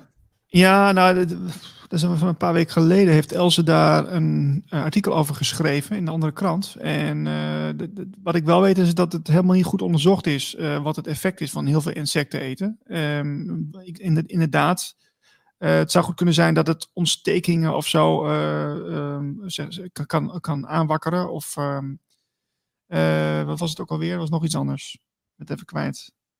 Ja, ontstekingen, maar nou, ik moet het even terugzoeken. Maar ja, er is niet genoeg onderzoek naar gedaan. Maar er wordt wel uh, gigantisch gepromoot door onze overheid. En gigantisch door uh, grote uh, NGO's natuurlijk. Ja, eigenlijk door stot gedrukt. En nu op scholen ook. Hè. In, in Overijssel 100 basisscholen in, in de provincie waar ik zit. Die daar dus kinderen mee doseren. Hè. Dus gewoon met boekjes en met lesmateriaal van. Oh, nou ja, we moeten straks anders gaan eten. Kijk, hier heb je een insect, proef het maar. Maar ik denk van weet je wel wat je, wat je, wat je voorschotelt. En wat, eh, wat, eh, het kunnen allergieën zijn. En uh, ah joh, maar niet uit joh, het is allemaal, allemaal goed. Want uh, ja, dat is ons ook maar verteld, weet ik veel. Nee, zorgelijk, zorgelijk. Ik zou, als ik kinderen had, zou ik me wel zorgen maken. Ik zou me tegen mijn zoontje of dochtertje zeggen van niet doen. Niet eten. Dan beter ja. vlees hoor. Ik, ik zou ook... het is een beetje, misschien een beetje makkelijk om de leraar te, te pakken nu. Maar uh, ja. iedereen, iedereen die in een baan zit, waarvan waar, hè, er wordt iets opgelegd van bovenaf, van dit moet je, dit moet je doen, of dit moet je doseren, of weet ik veel. En iedereen die dan niet zegt van, uh, ik zoek het eerst zelf even uit, of het wel klopt. En uh, of ik het hiermee eens ben. En of ik hier aan mee wil werken. Iedereen die dat niet doet, um, er komt een moment dat het gewoon helemaal fout gaat. Want, uh, nou ja, dat, dat zien we nu al. Maar ik had, ik had een paar maanden geleden ook een aflevering gewetensbezwaren. Daar kun je je altijd op beroepen. Je, ze kunnen niet zomaar uitgooien als je gewetensbezwaren hebt om iets te doen. En veel meer mensen zouden dat, zouden, uh, dat bezwaar, dat gewetensbezwaar in moeten brengen. Van nee, hier ben ik niet mee akkoord. Dit gaat tegen mijn gevoel van rechtvaardigheid in. Of tegen wat het, wat het ook is. Ja. En als genoeg mensen dat doen, uh, dan wordt alles anders. Want dan, ja, maar dat dan, is, kan, dit, kan dit systeem niet uh, bestaan. Nee, maar dat is een beetje de oude regel van uh, hè, als, als de, de, de, commandant van de strijdmachten zegt we gaan oorlog voeren. En als niemand gaat, dan is er ook geen oorlog. Maar ja, ze gaan wel. En dat, ik vraag me toch af, waar, wanneer komt dat besef? Wanneer is het moment dat er inderdaad mensen zeggen van, nu is het genoeg? Want je zou toch de afgelopen jaren denken van, nou, die momenten, die waren er wel geweest. Die zijn er geweest. Voor mij al heel lang geleden, maar de, voor, de, voor de massa blijkbaar gaat het allemaal hartstikke goed. Ja, dat is even ook weer dat groep denken. Nog even een, een energiecrisis door en dan nog even een economische crisis door. En ja, misschien komt er nog een crisis, eh, misschien komt er nog een UFO-landing, weet ik veel. Even, even door. En dan daarna, dan gaan we gewoon weer verder wat we altijd deden. Ja, ja dat is weer het groepsdenken van hè, naar de groep kijken, wat doen die? En uh, oké, nee, ja, nee, ik ga gewoon, ja, ik hou me maar stil, ik doe maar gewoon mee. En, uh, het zal allemaal goed zijn. Ik ben bijna bij mijn pensioen. Uh, wat, ja. voor, wat voor rationalisaties ze ook hebben. En de buurman zei, en, de, en mijn vriend zei, en mijn tante zei. En ja, ik hoef zelf niet na te denken, want als zij het ook doen, ja, wat moet ik dan? Goed, Ido kan elk moment aanschuiven, die komt er nu al aan. Hallo Ido. Hallo. Dag Ido. Heren. Fijn dat je in de uitzending bent. Wij uh, zaten net in een heel diepgaand gesprek, dus uh, je komt ons helemaal uh, verlossen. Ik hoorde jullie lachen. Ik heb het gesprek niet meegekregen, maar... Oké, oké. Okay, okay. Nou, je, je, hebt op zich niet zo heel veel gemist, denk ik. Nou. We gaan, we gaan met jou leuk kletsen over Roger Waters. ja, een van de bekende mannen van Pink Floyd. Die heeft er deze week een artikel aangeweid onder het kopje persoonlijk. Um, hoe kwam je zo bij Roger Waters uit eigenlijk? Ehm, nou, werd getipt eigenlijk eh, eh, op de redactie. En dat is al een paar keer tegen mij gezegd: wil je niet een keer wat schrijven over, over Bono? Dat is mijn eh, oude held van de, de leadzanger van U2. Maar ja, die moet je dan neersabelen, zeg maar, omdat die ook een beetje fout is. Ja, dat vind ik nog een beetje te pijnlijk. En op een gegeven moment kwam Roger Waters ter sprake. Ik geloof dat Twan het zei. Of nou ja, Karel, die kwam er zelf mee. Karel Beckman, de hoofdredacteur. En die zei, wil je niet eens wat over Roger Waters schrijven?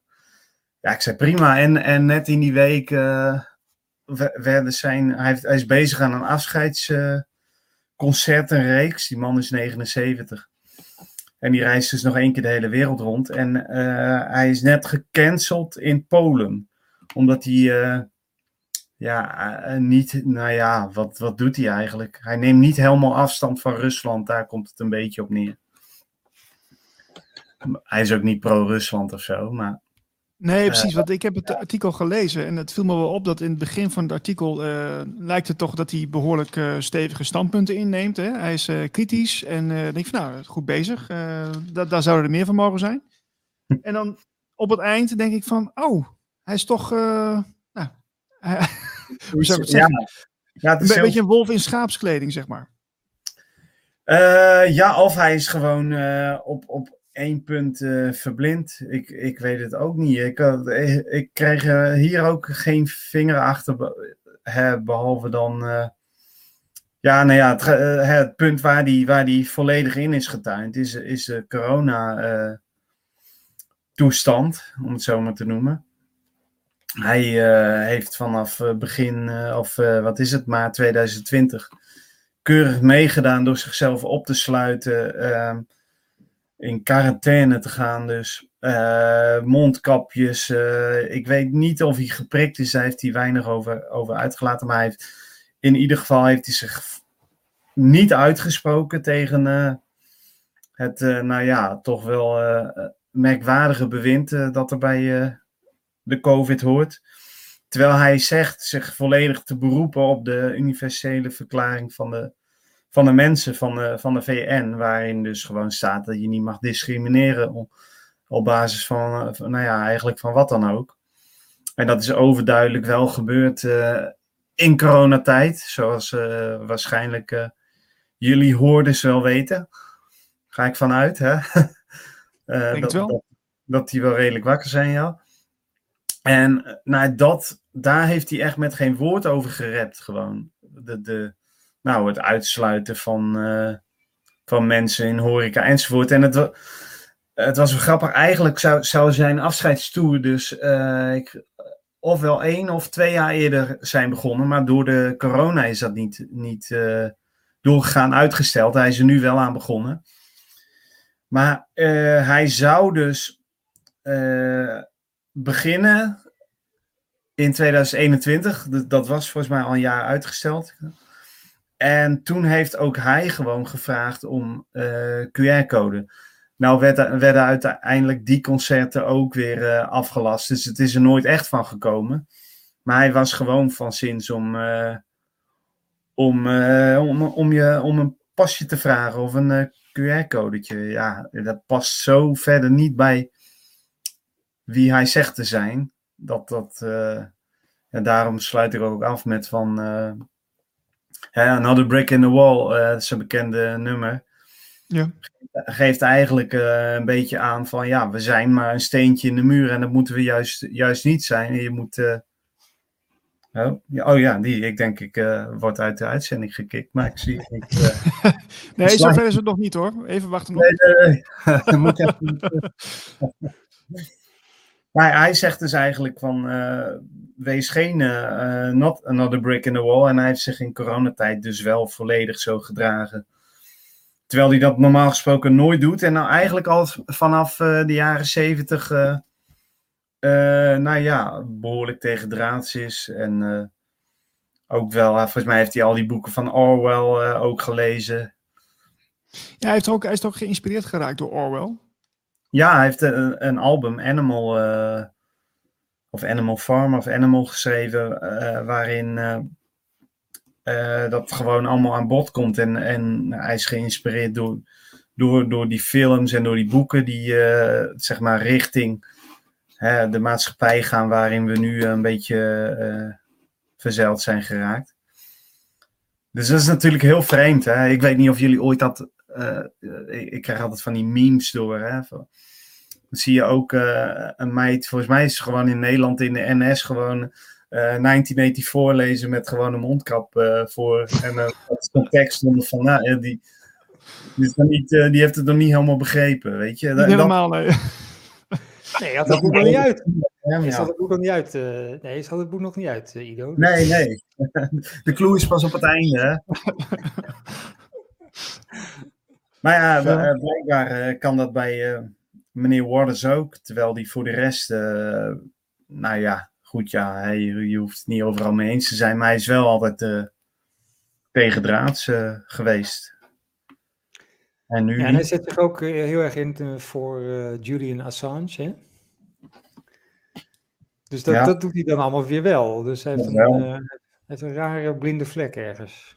Ja, blijkbaar ja. Rusland-Oekraïne is hij ook. Eh, nou, in ieder geval niet blind van eh, Poetin is de grote, het grote kwaad en eh, Zelensky is onze grote redder van de, van de ondergang. Daar is hij ook niet in meegegaan. Hij heeft ze beide aangeschreven. Of tenminste, hij heeft de vrouw van Zelensky aangeschreven. Waarom zijn vrouw weet ik dan niet. Maar, en Poetin zelf. En tegen, tegen beide zegt hij ja, ongeveer hetzelfde met andere bewoordingen. Waarom eh, kiezen jullie de weg van, van, eh, van de wapens? Weet je, ga koers aan op, op vrede en dan kun je hieruit komen. Nou ja, dat is hem blijkbaar weer door Polen heel erg kwalijk genomen. Want die hebben dat, hè, eh, het, soort van, wat zei George W. Bush altijd van, if you're not with us, you're against us. Dat, dat idee een beetje Hmm. Eigenlijk wat die Waters heeft gedaan, is gewoon van beide zeggen: ja, ik ben, ik, ik ben het niet met jullie eens, die, eh, dat oorlogsretoriek dat, dat jullie voeren. Kies een, kies een andere nou, manier van, van formuleren of met elkaar praten. En dan kun, ja, als je op vrede gericht bent, dan krijg, heb je meer kans dat je vrede krijgt dan eh, als je alleen maar wapens eh, vraagt en wapens stuurt. Ja. Maar dat, dat, zelfs dat kan niet meer tegenwoordig. Nee, en, en nu hebben we Roger Waters even onder de loep genomen. Eh, maar Marlijn, jij hebt zelf ook nog een, een aantal voorbeelden hè, van, van artiesten die eh, zich dan eh, zogenaamd kritisch uitgesproken hebben. Ja, Gaan we Ik even naar heb- kijken. Tenminste, jij ik, heb hebt daar- dingen, ik heb wat dingen verzameld. Dit is uit eh 2017, geloof ik. Van Roger Waters. Dus toen had hij dat album dat helemaal anti-Trump was. Elk nummer ging erover. Ja, ja, Dit is, komt uit het nummer eh, ook op dat album. En ja, dan heeft hij het wel over eh, mensen die eh, gewoon een beetje in de matrix blijven hangen.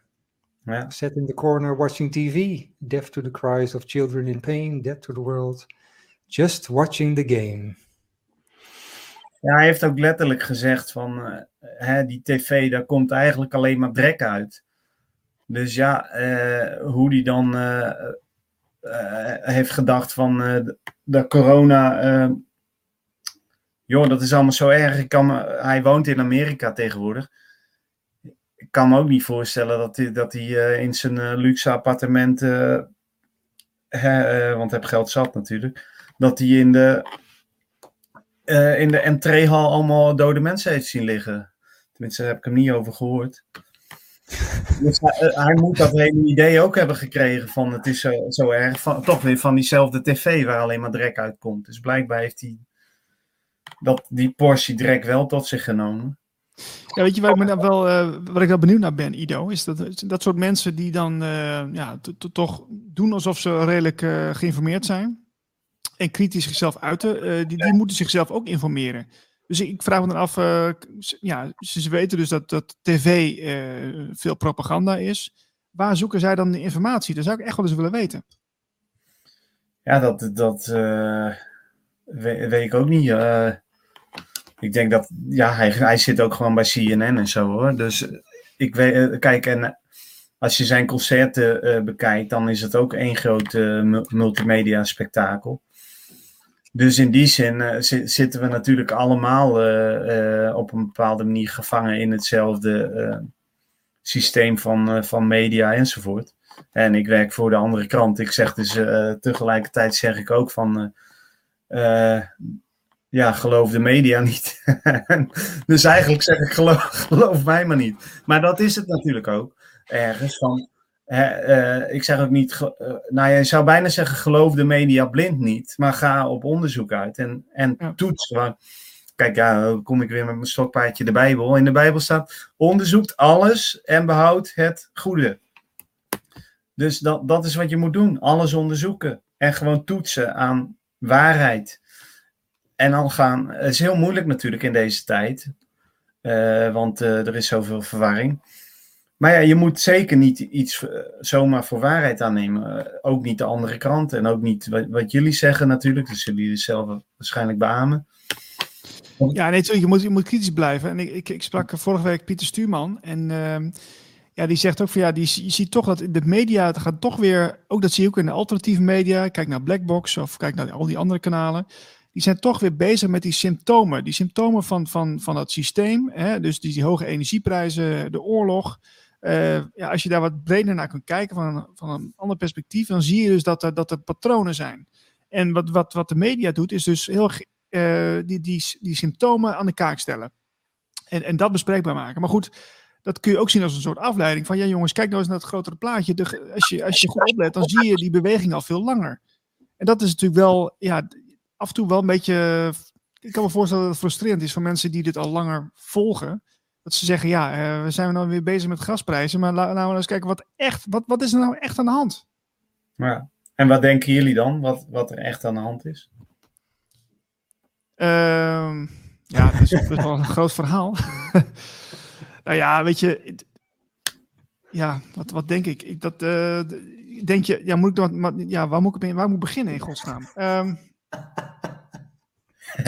ja, een hele moeilijke vraag. Uh, wat, een, wat, een vervelende vraag. Ja, ja, ja nee, het is een hele goede vraag, maar het is wel een hele moeilijke om te beantwoorden.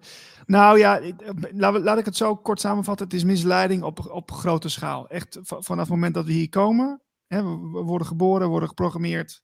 Uh, we gaan naar school, we, we, we, gaan aan het werk, omdat het ook maar moet. En je moet in, in het plaatje passen van de maatschappij.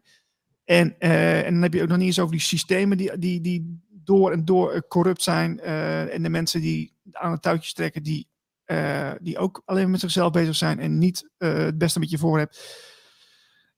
Ja, dat, dat zijn allemaal optelsommen. dan denk ik van ja, dat, dat klopt allemaal niet.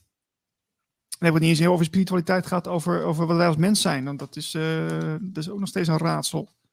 Dus we, we, hebben nog veel te ontdekken. En ja, ik vind het best wel sneu om te zien dat we onszelf zo makkelijk om de tuin laten leiden. Maar dit is een hele, ik, hele slechte korte samenvatting. Nou ja, in de eerste zin was heel goed hoor. Uh, misleiding op, op grote schaal. Uh, hè, dat is inderdaad wel uh, wat er aan de hand is. En dus moet je uitzoomen ja, qua schaalgrootte om, om het hele perspectief te krijgen. En meestal doet die Warders dat, dat wel anders. Ja, ja, je gaat altijd natuurlijk dan weer een beetje naar die symptomen uh, kijken. En, en, dan moet je uitzoomen om, om te zien hè, waar, komt, waar komt het symptoom nou vandaan. Ja, daar gaat het natuurlijk heel vaak uh, fout, of misschien wel bijna altijd fout. En in dit geval, ja, bij Roger Waters, dus blijkbaar is hij niet in staat geweest om in de corona-narratief uh, uit te zoomen nou, wat hij normaal gesproken wel doet. Van, hè, wat hij bij Rusland-Oekraïne wel doet. Hij zegt niet automatisch van... Yo, uh, Poetin, het gaat bij jou fout. Want jij bent uh, nu ineens uh, de oorlogshitser en de foute man. Hè? hij zegt, zegt hetzelfde niet over Zelensky. Hij zoomt uit en zegt... Hij zegt ook letterlijk van... Hè, de Oekraïne-Rusland-oorlog... Nou ja, die is op zijn minst twintig jaar geleden begonnen met het uh, geduvel tussen uh, NAVO uh, en belofte tussen een en de ander. Dus het, de, ja, de oorsprong van dit conflict ligt veel dieper dan, ehm, vorig jaar toen, of was, was dit jaar zelfs, dat Poetin dacht van, oh jongens, ik vind Rusland niet groot genoeg, laat ik Oekraïne er maar bij nemen of zo. Ja, zo simpel is het gewoon niet. Nee. Onze media hebben ons bijna wel een beetje dat idee gegeven. En dat de hele oorlog daar. Ik denk de hele oorlog daar is ook een symptoom. Ja. Dat komt allemaal ook voort uit gewoon al, die, ehm, al die systemen, ook hoe mensen met elkaar omgaan, ook uh, overheden, bedrijven, personeel die met elkaar omgaat. We zijn gewoon niet zuiver. Het is niet zuiver. We zijn niet eerlijk, we zijn niet authentiek en we zijn niet zuiver. En dan komen al dit soort excessen. Oorlog is dan een hele heel groot excess, wat er kan gebeuren. Maar het speelt zich ook allemaal in het klein af. We zijn gewoon niet eerlijk en we zijn, niet, we zijn gewoon niet zuiver op de graad. En dan bedoel je elk individu, uh, jij en ik. Uh... Nou, we hadden, net een discussie met, met Niels over authentiek zijn en dat het heel lastig is om in elke situatie bij, bij iedereen authentiek te zijn dat is, dat is echt iets wat je bewust moet gaan doen. Um, want je wordt door, door een soort kuddegedrag en, eh, en eh, door, je wil aan de verwachtingen voldoen. En je wordt door allerlei dat soort gedachten word je afgeleid. Dus je moet daar bewust, moet je ervoor zorgen dat je bij jezelf, bij je authentieke zelf uh, blijft. Dat is gewoon een, een proces en een oefening. Heel veel mensen doen dat niet en die zijn dus niet zuiver in hun handelen en doen.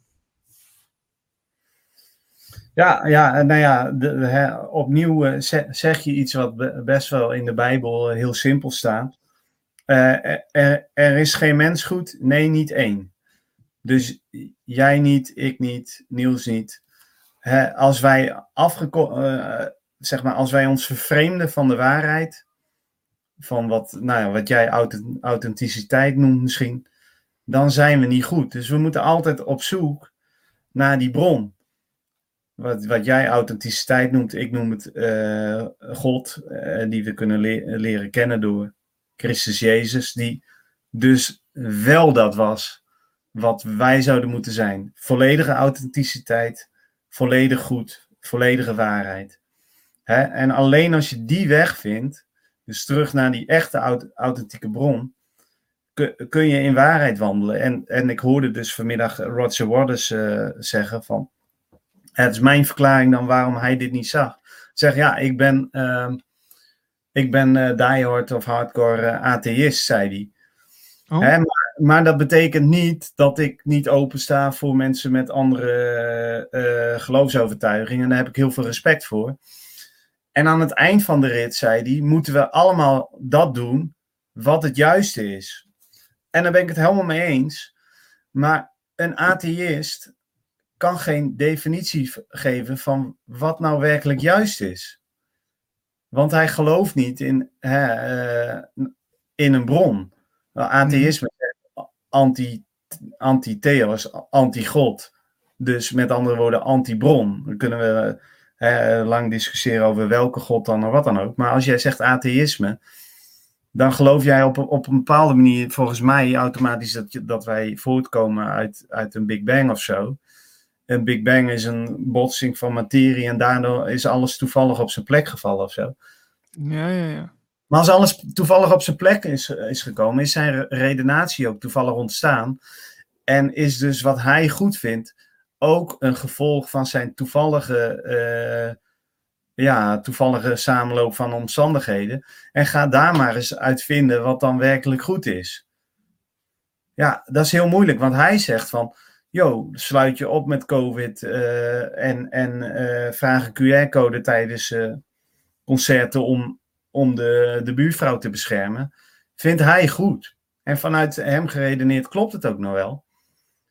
Maar ja, wij vinden dat niet goed. Vanuit het idee van, hé, hey, dat, is helemaal, dat is helemaal niet waar. Ja. Hè? En dus kom je weer bij waarheid. Wie van de twee heeft, heeft gelijk? Hij, dat hij in het coronanarratief gelooft? Of wij dat we er niet in geloven. Dus moet je op zoek, uitzoomen, uitschalen. Wat is de waarheid in het coronanarratief? Ja, ja. ja, waarheid is natuurlijk sowieso een heel interessant onderwerp. Hè? Want ik, ik, ik sprak gisteren iemand Die zei ook van ja, als je met, uh, met kwantumfysica bezig gaat, dan, uh, dan verandert je perceptie op de werkelijkheid en ook eigenlijk je waarheid. En dan zou je dus, hè, wat die persoon dan zegt, van wie zou eigenlijk kunnen zeggen dat iedereen zijn eigen waarheid heeft. Hè? Dus je, als je verandert hoe, hoe je naar de wereld kijkt, dan heb je een andere, andere waarheid dan je buurman. Maar ja, goed, er, is wel, er bestaat wel zoiets als waarheid. Dus je, dan heb je wel alleen een ander perspectief op de waarheid. Voor, hoe, hoe, zie, hoe zie jij dat, uh, Marlijn? Uh, ja, nee, ja, je moet op zoek gaan naar. naar kijk, uh, je kan niet iedereen, niet iedereen kan zijn eigen waarheid hebben. Want ik kan bijvoorbeeld zeggen: ehm, dit, ik weet niet of jullie het zien. Dit is een potlood. Ja. wij, nou ja, wat vinden jullie dit? Wat is dit? Ja, potlood, hè? Potlood, ja. Ja, potlood. Dobbo, potlood. Ja. Nou, ik zeg, dit is een uh, kroket. Nou ja, om even.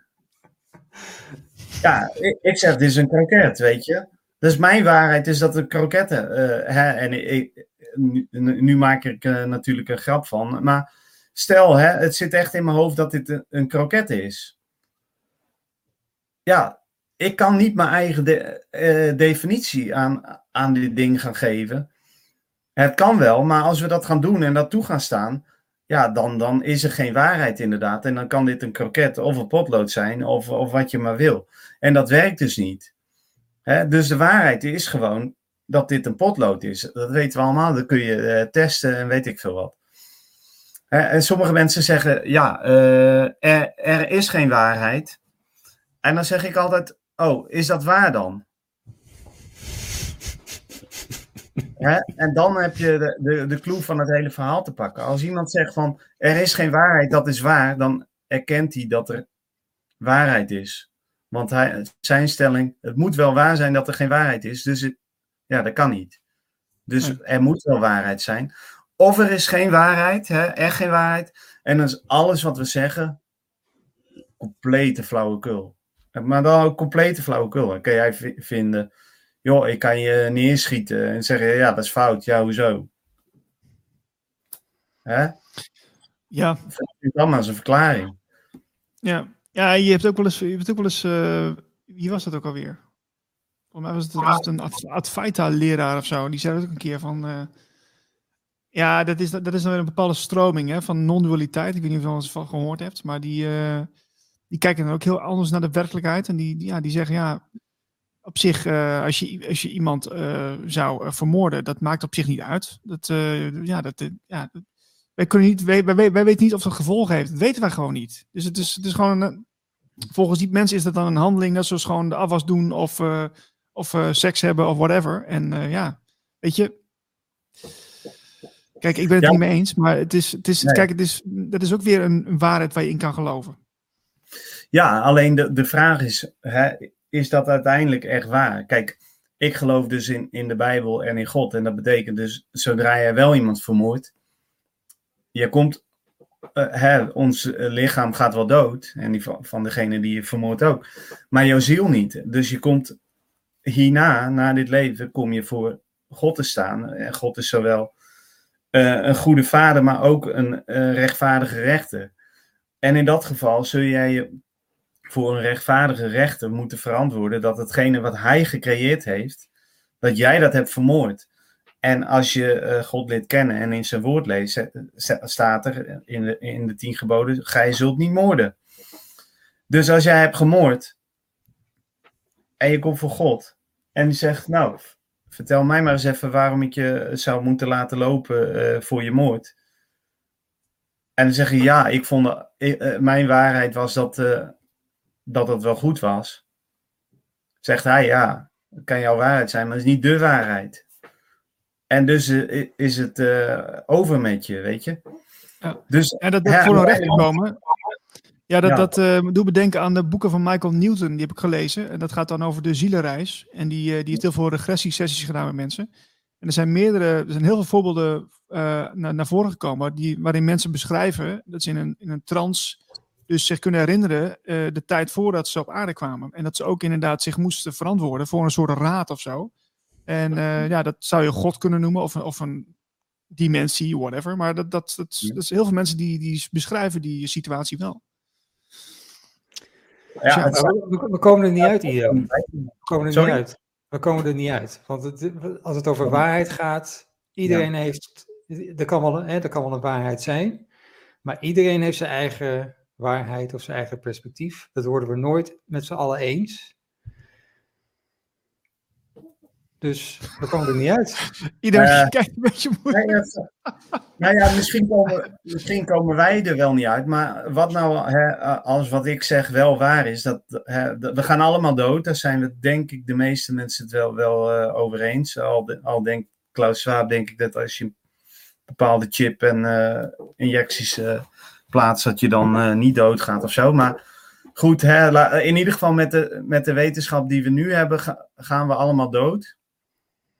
Ja, en kijk, de Bijbel zegt, dan is, het moment, dat, het onoverkomelijke moment dat we allemaal in die, in die rechtszaal staan. En dan word je ge, uh, geoordeeld op wat, wat er hier is gebeurd in je leven. Hè, en daar komen we inderdaad pas allemaal achter uh, als dit leven uh, voorbij is, inderdaad. Al, kijk, als dat waar is, heb ik gelijk als het niet waar is, hè, dan heb, heb ik iets geloofd. Wat, uh, ja, heb ik hier al allemaal onzin zitten verkondigen. Maar ja, oh. ja toch veel. Nou ja, ik weet je, ja. Kijk, je kunt, kijk, vanuit een religieus perspectief kun je naar kijken. Daar zit ook wel veel dogmatiek in. Maar uh, als je wat spirituele boeken leest, die ik ook wel lees, dan, dan zitten er heel veel elementen van het christendom zitten daar zeker in.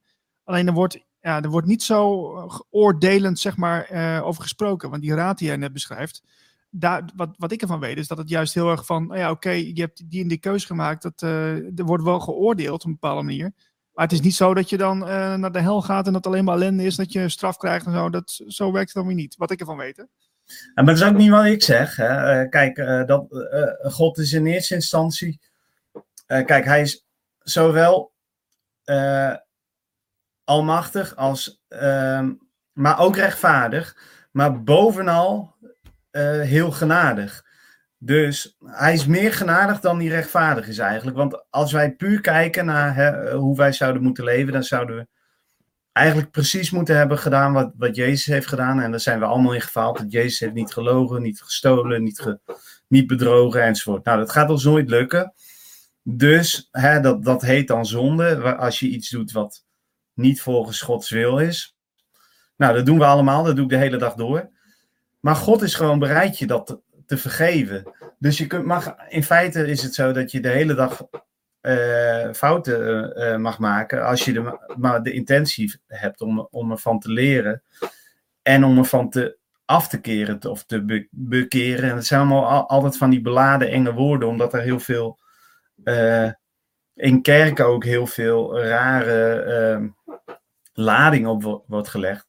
Maar wat, eigenlijk wat Jezus zegt is gewoon: joh, ik ben aan het kruis gaan hangen voor jouw zonde. Ik heb ze voor jou gedragen. Volg mij en neem mijn genadeoffer aan. En je kunt vrij tot God komen, die je dan vergeeft. Dus die God, hè, die, die wel oordelend is als jij hem de hele tijd af blijft wijzen, dan moet je op een gegeven moment inderdaad gaan verantwoorden voor bijvoorbeeld die moord die je hebt gedaan. Maar als jij, zeg maar, bereid bent om het genadeoffer aan te nemen, dan kun je zelfs van die moord vrijgesproken worden. Dus zo genadig is God, weet je.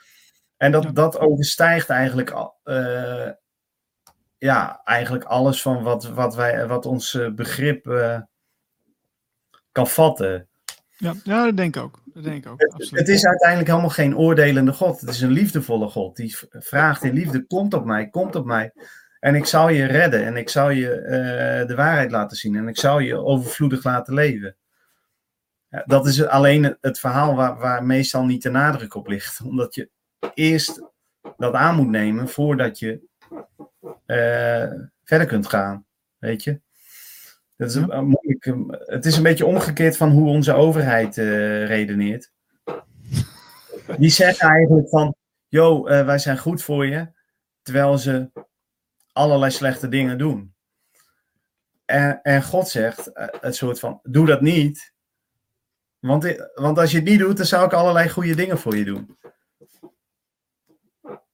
Snap je? Dus het, we, gaan, we, gaan hier later, we gaan hier later ja. nog een keer uh, op door, Ido. Dat is goed. Verder. Ja. Uh, we, we, hebben zo meteen. Uh... Sorry, wat zei je?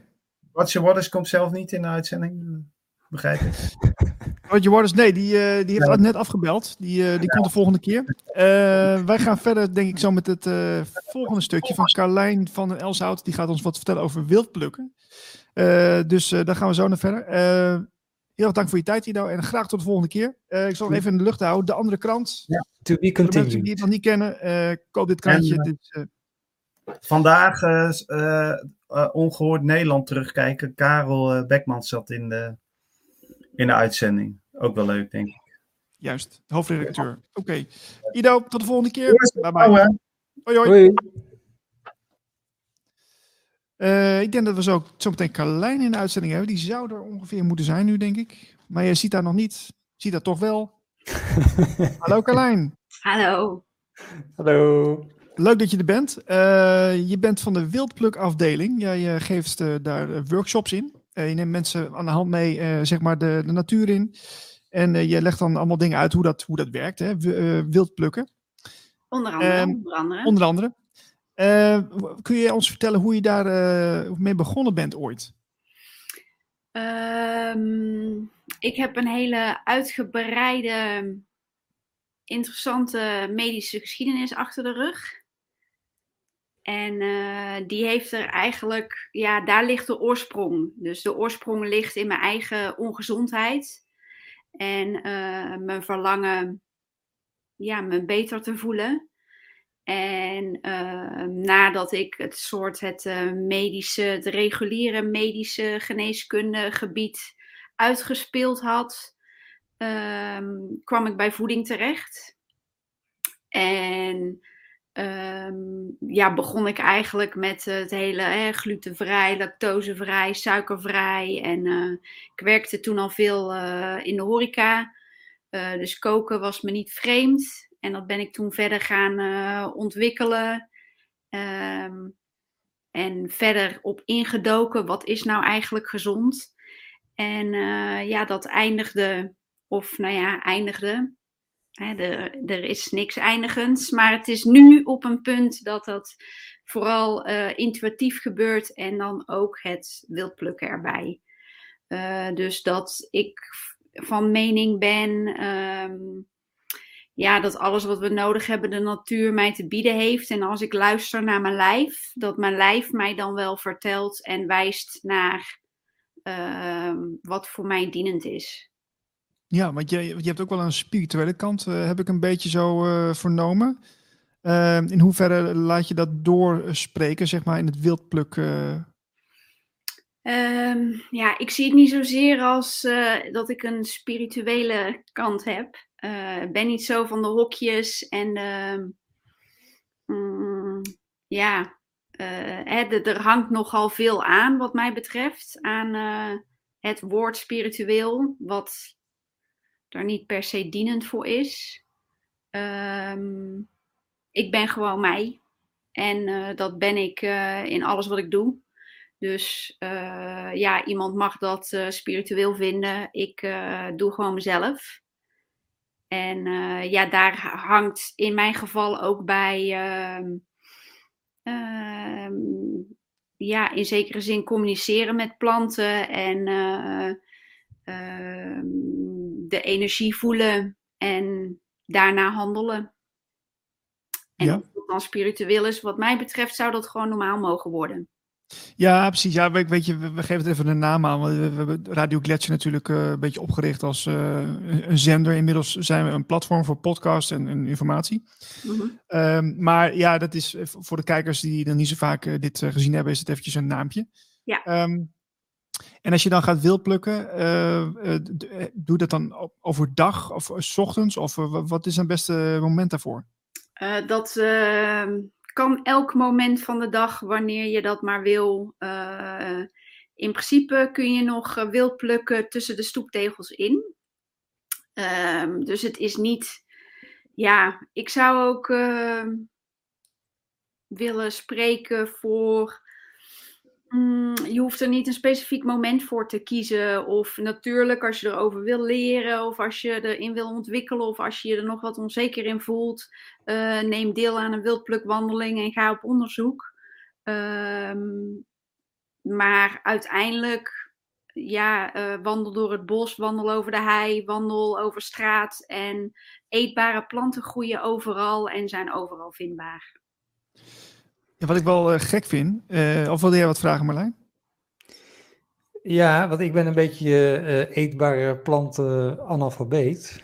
Dus ik zou niet weten waar, wat ik kan eten en waar ik naartoe moet en hoe het eruit ziet. Dus misschien, misschien heb je een soort beginnetje voor mensen die ook denken van... ik zou ook wel eens wat tussen de stoeptegels willen halen, maar, maar wat? Ja, Uh, als je helemaal nog nergens bent. Nou ja, laat ik het zo zeggen. Wat betreft de planten, meer is wel eetbaar dan niet. En of het allemaal lekker is, dat is natuurlijk een ander verhaal. Het is. Uh, uh, als je door het park loopt en uh, zoek hem bijvoorbeeld eens op, uh, duizendblad. Die eh, staat er momenteel ook nog veel. Het is een blaadje met heel veel kleine blaadjes, duizenden blaadjes. Um, die vind ik bijvoorbeeld uh, ja, erg lekker ook. Maar goed, daarin is het ook weer, wat ben je gewend? Um, in het hele wildplukverhaal zal het ook wel even wennen zijn van dat je iets in je mond stopt en dat het groen smaakt uh, of aards smaakt. Ja, als jij uh, gewend bent je boodschappen te halen in de supermarkt, dan zal de smaak even wennen zijn. Um, en de ene is daar verder in als de ander. En, uh, maar zolang je nieuwsgierig bent en bereid bent om op onderzoek te gaan, dan, ja, dan kan het wat betreft planten niet per se heel erg misgaan. Hmm. Stop iets in je mond en denk je: nee, nee, dit klopt niet. Voel je: nee, nee, nee, nee, dit kan de bedoeling niet zijn. Dan slik het niet door. Denk je: nou, dit smaakt eigenlijk wel lekker. Dan uh, grote kans dat het gewoon klopt. En uh, in, in, ik ben ook altijd heel erg van: het ergste wat je kan gebeuren is dat je er wat misselijk van wordt, dat je buikpijn krijgt dat je een keer extra naar de wc moet. Maar goed, ik ben dan ook wel weer iemand die dus alles in mijn mond stopt. Oh. En dat is niet uh, voor iedereen, uh, ja, dat voelt niet voor iedereen goed of veilig. Maar je, je kunt er dus ook tegen, dus begrijp ik, of niet? Ik heb het nooit als, ja, ik heb daar nooit iets van gemerkt. Um, maar goed, ik ben dan dus ook door mijn medische geschiedenis. Hè, ik had heel lang een darmziekte. Erg verbonden met mijn darm. En kan daarin ook. Uh, ja, ik ben er ook niet zo snel van onder de indruk als daar iets gebeurt. Hmm. Dus in die zin. Uh, ja, zit daar geen angst op voor mij dat het me iets zou kunnen doen. Had jij bij, uh, toen je die ziekte had, was je toen ook al intuïtief aan het uh, plukken of niet? Nee. Oké, okay. want je hoort ook wel eens dat de natuur om je heen, die zorgt dat, dat, dat er dingen naar boven komen die jij nodig hebt. Zeker, ga eens in je achtertuin kijken en wat daar staat, dat is hoogstwaarschijnlijk uh, ja, dienend voor jou. Is, is en... dat bewezen? Waar, waar, waar, waar heb je die kennis vandaan? Dat vind ik wel interessant ja, is dat bewezen? Is er iets bewezen? ja, nee, ik... ja, ik moet die vraag toch stellen. De mensen willen dit begrijpen, weet je wel. Dus ik, uh, ik geloof je wel, maar... Uh, ja. De, ja, maar goed. Um, het wordt gezegd dat um, wat, jij, wat jij nodig hebt, de natuur jou automatisch biedt. En of dat dan dus in je achtertuin is, of het feit dat jij uh, een plantje de hele tijd ziet. Hè, er is iets wat je aandacht trekt. Uh, ja, dan heeft dat plantje jou iets te vertellen of iets te bieden. Ja, ik, ik, ben, ik ben wel benieuwd, nieuwsgierig of jij wel eens, uh, omdat je dus zoveel uh, planten dus ook herkent uh, en daar ook misschien toch iets anders naar kijkt. heb jij wel eens elementen, wezens gezien? communiceer je daarmee? Elementen, wezens, wat ehm, ik, ik voel me, ik weet niet precies wat je daarmee bedoelt, maar ik kook ook veel met vuur bijvoorbeeld. Dus als je het hebt over de elementen, dan voel ik mij zeker nauw verbonden tot, tot vuur en tot water. En um, ja, wat die verbinding precies inhoudt. Ik denk, ja, dat is voor mij lastig te beschrijven, uh, omdat het dus heel erg een gevoelskwestie is. Um, Het geeft mij zeker informatie. Dus zowel vuur als water. Maar ja. Ben je er dan mee in gesprek? Ja, ik. Uh, in zekere zin. In zekere zin ben je ermee verbonden en in gesprek. Oké, interessant. Ja. Jij, uh, je hebt mij een uh, audioberichtje gestuurd. Ja. En uh, ja, jij wilde iets vertellen wat je toch wel een beetje spannend vindt, hè? ja, dus los van het wildplukken, dus ik doe veel met wildplukken en koken op vuur, ehm, ben ik nu net begonnen met het cirkelwerk en ehm, een mannencirkel. En ehm, ja, daar hoor ik nogal gemixte reacties op. Als zijn uh, een mannencirkel is toch voor mannen en wordt toch gefaciliteerd door mannen. En uh, dat maakt het dus voor mij nu ook een beetje spannend. Of hè, mijn mind wil er nogal wel eens uh, verhalen van maken. Wat zegt, de, wat zegt de mind dan? ja, dus dat ik als vrouw niet een mannencirkel hoor te faciliteren. Ehm, zijn er wel mannen die naar een mannencirkel komen gefaciliteerd door een vrouw? Um, ja, wat, uh, waarom is er mijn behoefte om een mannencirkel te organiseren? Hou je gewoon bij je eigen soort en doe gewoon een vrouwencirkel. Uh, dat soort gedachten. Oké. Wat, wat uh, gebeurt er in die cirkel? Uh, die cirkel gaat over ehm, open kunnen ontvangen, open kunnen luisteren. Um, volledige eerlijkheid. En die kwaliteiten eigenlijk beoefenen en verder ontwikkelen.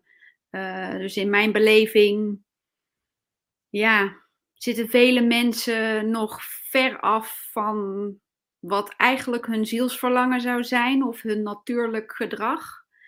En mijn verlangen met de cirkel is om men dichterbij te brengen, uh, dichter bij hunzelf te brengen. En daar een veilige ruimte aan te bieden. Dus een ruimte waarin niks gek is, waar geen oordeel is, waar alles gedeeld mag worden. Waar je dus bijvoorbeeld kan delen als je hè, praat met bomen en dat nog zelf uh, en dat afwijst in jezelf. Of uh, dat je soms uh, had gewild dat je nooit kinderen had gemaakt. Of dat je soms verlangt dat je uh, geboren was als een kabouter in plaats van als een mens. Wat je dan ook wilt delen of wat je dan ook voelt. Dat dat er allemaal uh, gewoon mag zijn en uitgesproken mag worden. En dat is niet raar. En ja, geef er ruimte aan. En uh, laat het er zijn. Zodat je dichter kan komen bij ja, wat je eigenlijk gelukkig maakt. Ben je nou gevoelsmatig uh, uh, soort van aangetrokken dat je dat, je, dat, je dat voor mannen moet eh, organiseren. Kan ik het zo een beetje begrijpen? Ja, nou ja, ik, ik heb vandaag toevallig nog een stukje over geschreven van.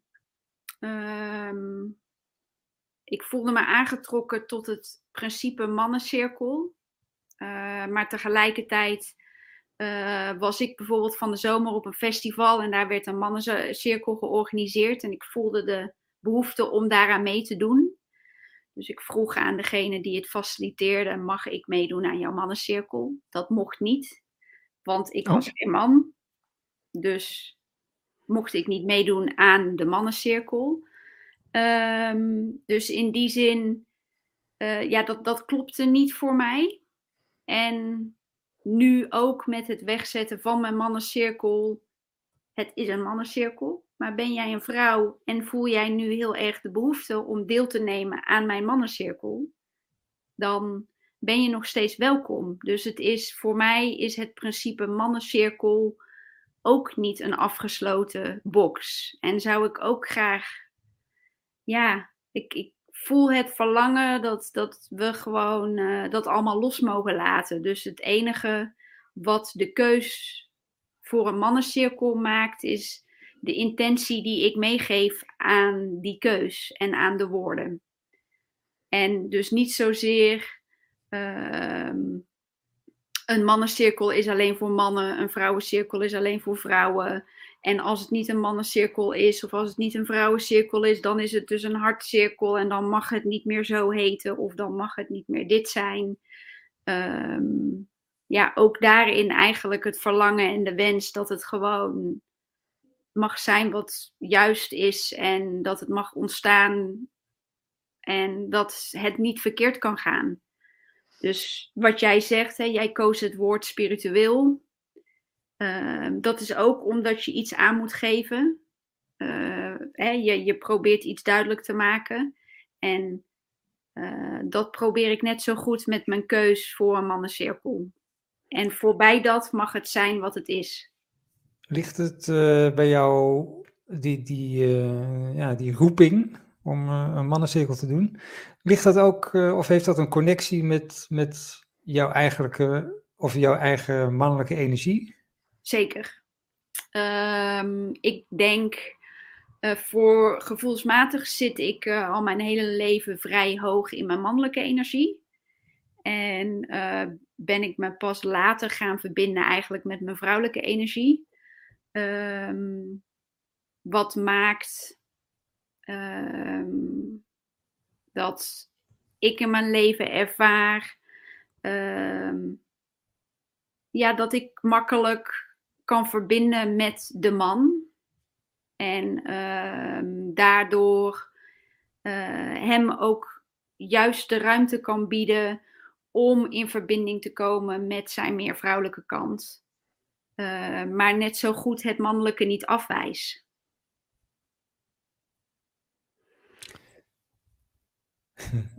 Zie, zie jij, eh, zie jij in, in die nieuwe generatie, ik, ik weet niet of je daarmee werkt, maar zie je, zie je daar een, eh, een soort verschuiving in? Qua, qua, zijn die mannelijker of juist vrouwelijker? Of loopt het allemaal wat meer eh, fluïde door elkaar heen?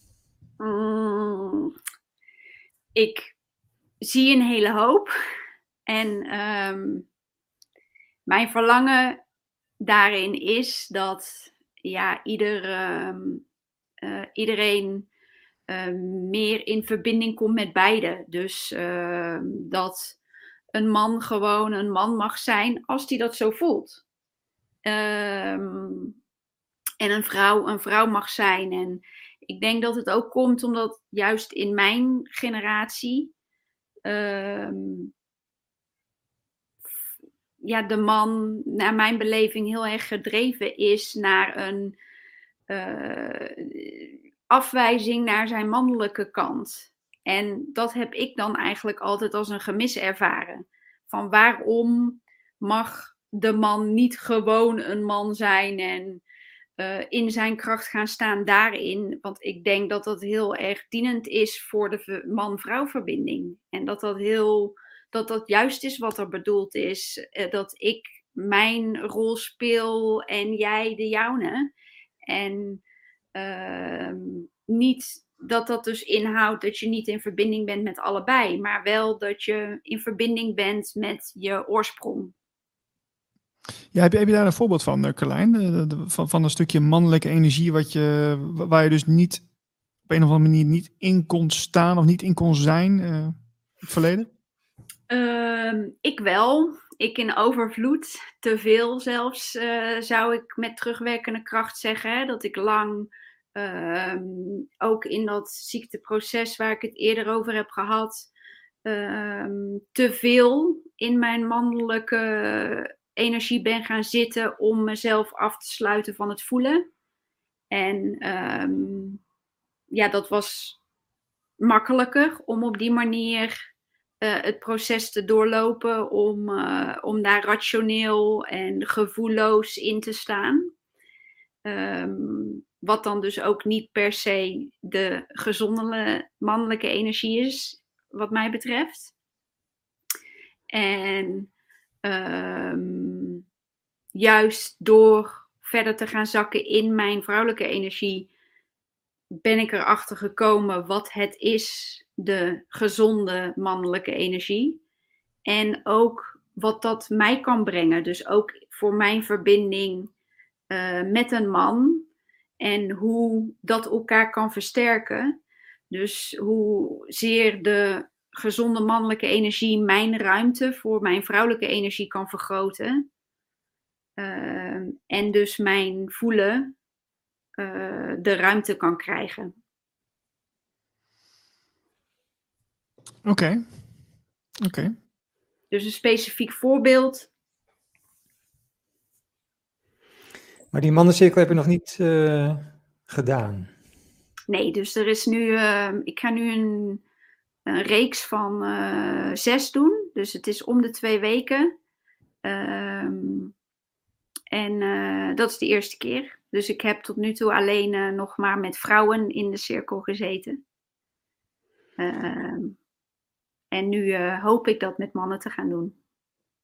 De- Denk je dat dat voor jou eh, dat het een soort dat het vertrouwelijker is met mannen dan met vrouwen, omdat die vrouwelijke energie wat meer misschien van je afstaat? Eh, nou, ik ervaar zeker. eh, voordat ik ooit naar mijn eerste vrouwencirkel ging, ervaarde ik daar heel veel weerstand op. Eh, dus wat ik weer associeerde met eh, afwijzing naar mijn eigen vrouwelijkheid. Van, oh, dat is wel heel veel vrouw. maar zijn dat dan van die vrouw? Ja, ja, ik probeer het toch een beetje te vertalen. Hè? Ja. Zijn het dan, eh, is het dan gekibbel of is het aan de aanstellen of is het, is het eh, ze- zeuren? Wat is dat dan? Eh, ja, Zijn dat mannen onder elkaar nu? Hè? Dat maakt niet uit, joh. ja, hè. Mannen, mannen onder elkaar. Dan. eh, Dit is de eerste, dit is de eerste mannencirkel eigenlijk al. Nee, precies. Ja, nee, dan zou ik zeggen. ehm, ja, een. een, een ehm, wat, wat sommige mannen ook kunnen hebben, maar het redderssyndroom hè, ligt op de voorkant, eh, op de voorgrond. Dus het elkaar willen fixen slash helpen, de ander willen repareren. Ehm, ja, dat is wat mij betreft iets wat sowieso niet de bedoeling is. Hè. Je kan alleen maar jezelf helpen. En eh, eh, een ander kan daar ruimte in faciliteren. En eh, ja, het verhaal. Vrouwen zitten meer in het verhaal. En ehm, waarin het vaak voor mannen allemaal wat eh, directer is en kan zijn. Duidelijk, dat herken ik wel, ja. Eh, wij zitten zo aan het eind van de uitzending, eh Carlijn. Ehm, hoe kunnen mensen zich aanmelden bij jou als ze denken van nou, ik, ik wil ook toch aan die mannencirkel meedoen of ik wil met wildplukken aan, aan de slag. Hoe, hoe kunnen ze jou bereiken? Gewoon even een mailtje sturen. En met ja, waar de behoefte ligt. En dan eh, maken we een afspraak of eh, kom ik met verdere informatie als er vragen zijn. Leuk. Oké. Eh, fijn dat je even bij ons in de uitzending wilde komen. En eh, Ja, wie weet, leuk, eh, tot, tot de volgende keer ook. Ja, leuk. Wat, wat, is, eh, wat is het e-mailadres? Dat is misschien wel handig. Info at uh, carlijnvdelshout.com. Oké. Zetten we erop ook. Leuk. Leuk. Is goed. Ehm, we gaan verder en eh, ik wens je nog een hele fijne dag. Ja, dankjewel voor jullie tijd. Yes. Alright. Ehm ja, Marlijn, wij gaan nog even verder. Eh, ik denk dat we zo gaan afsluiten. We moeten nog even dingetjes noemen, denk ik, hè, voor onze kijkers.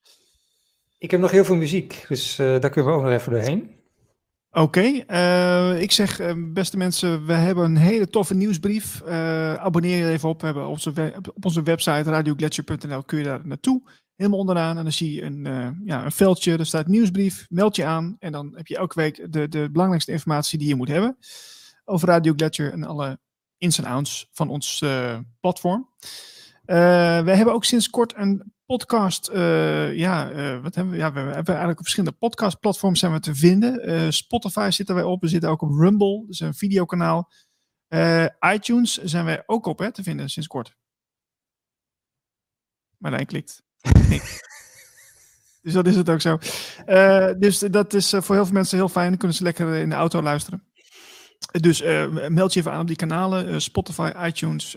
en nou, ben je altijd op de hoogte.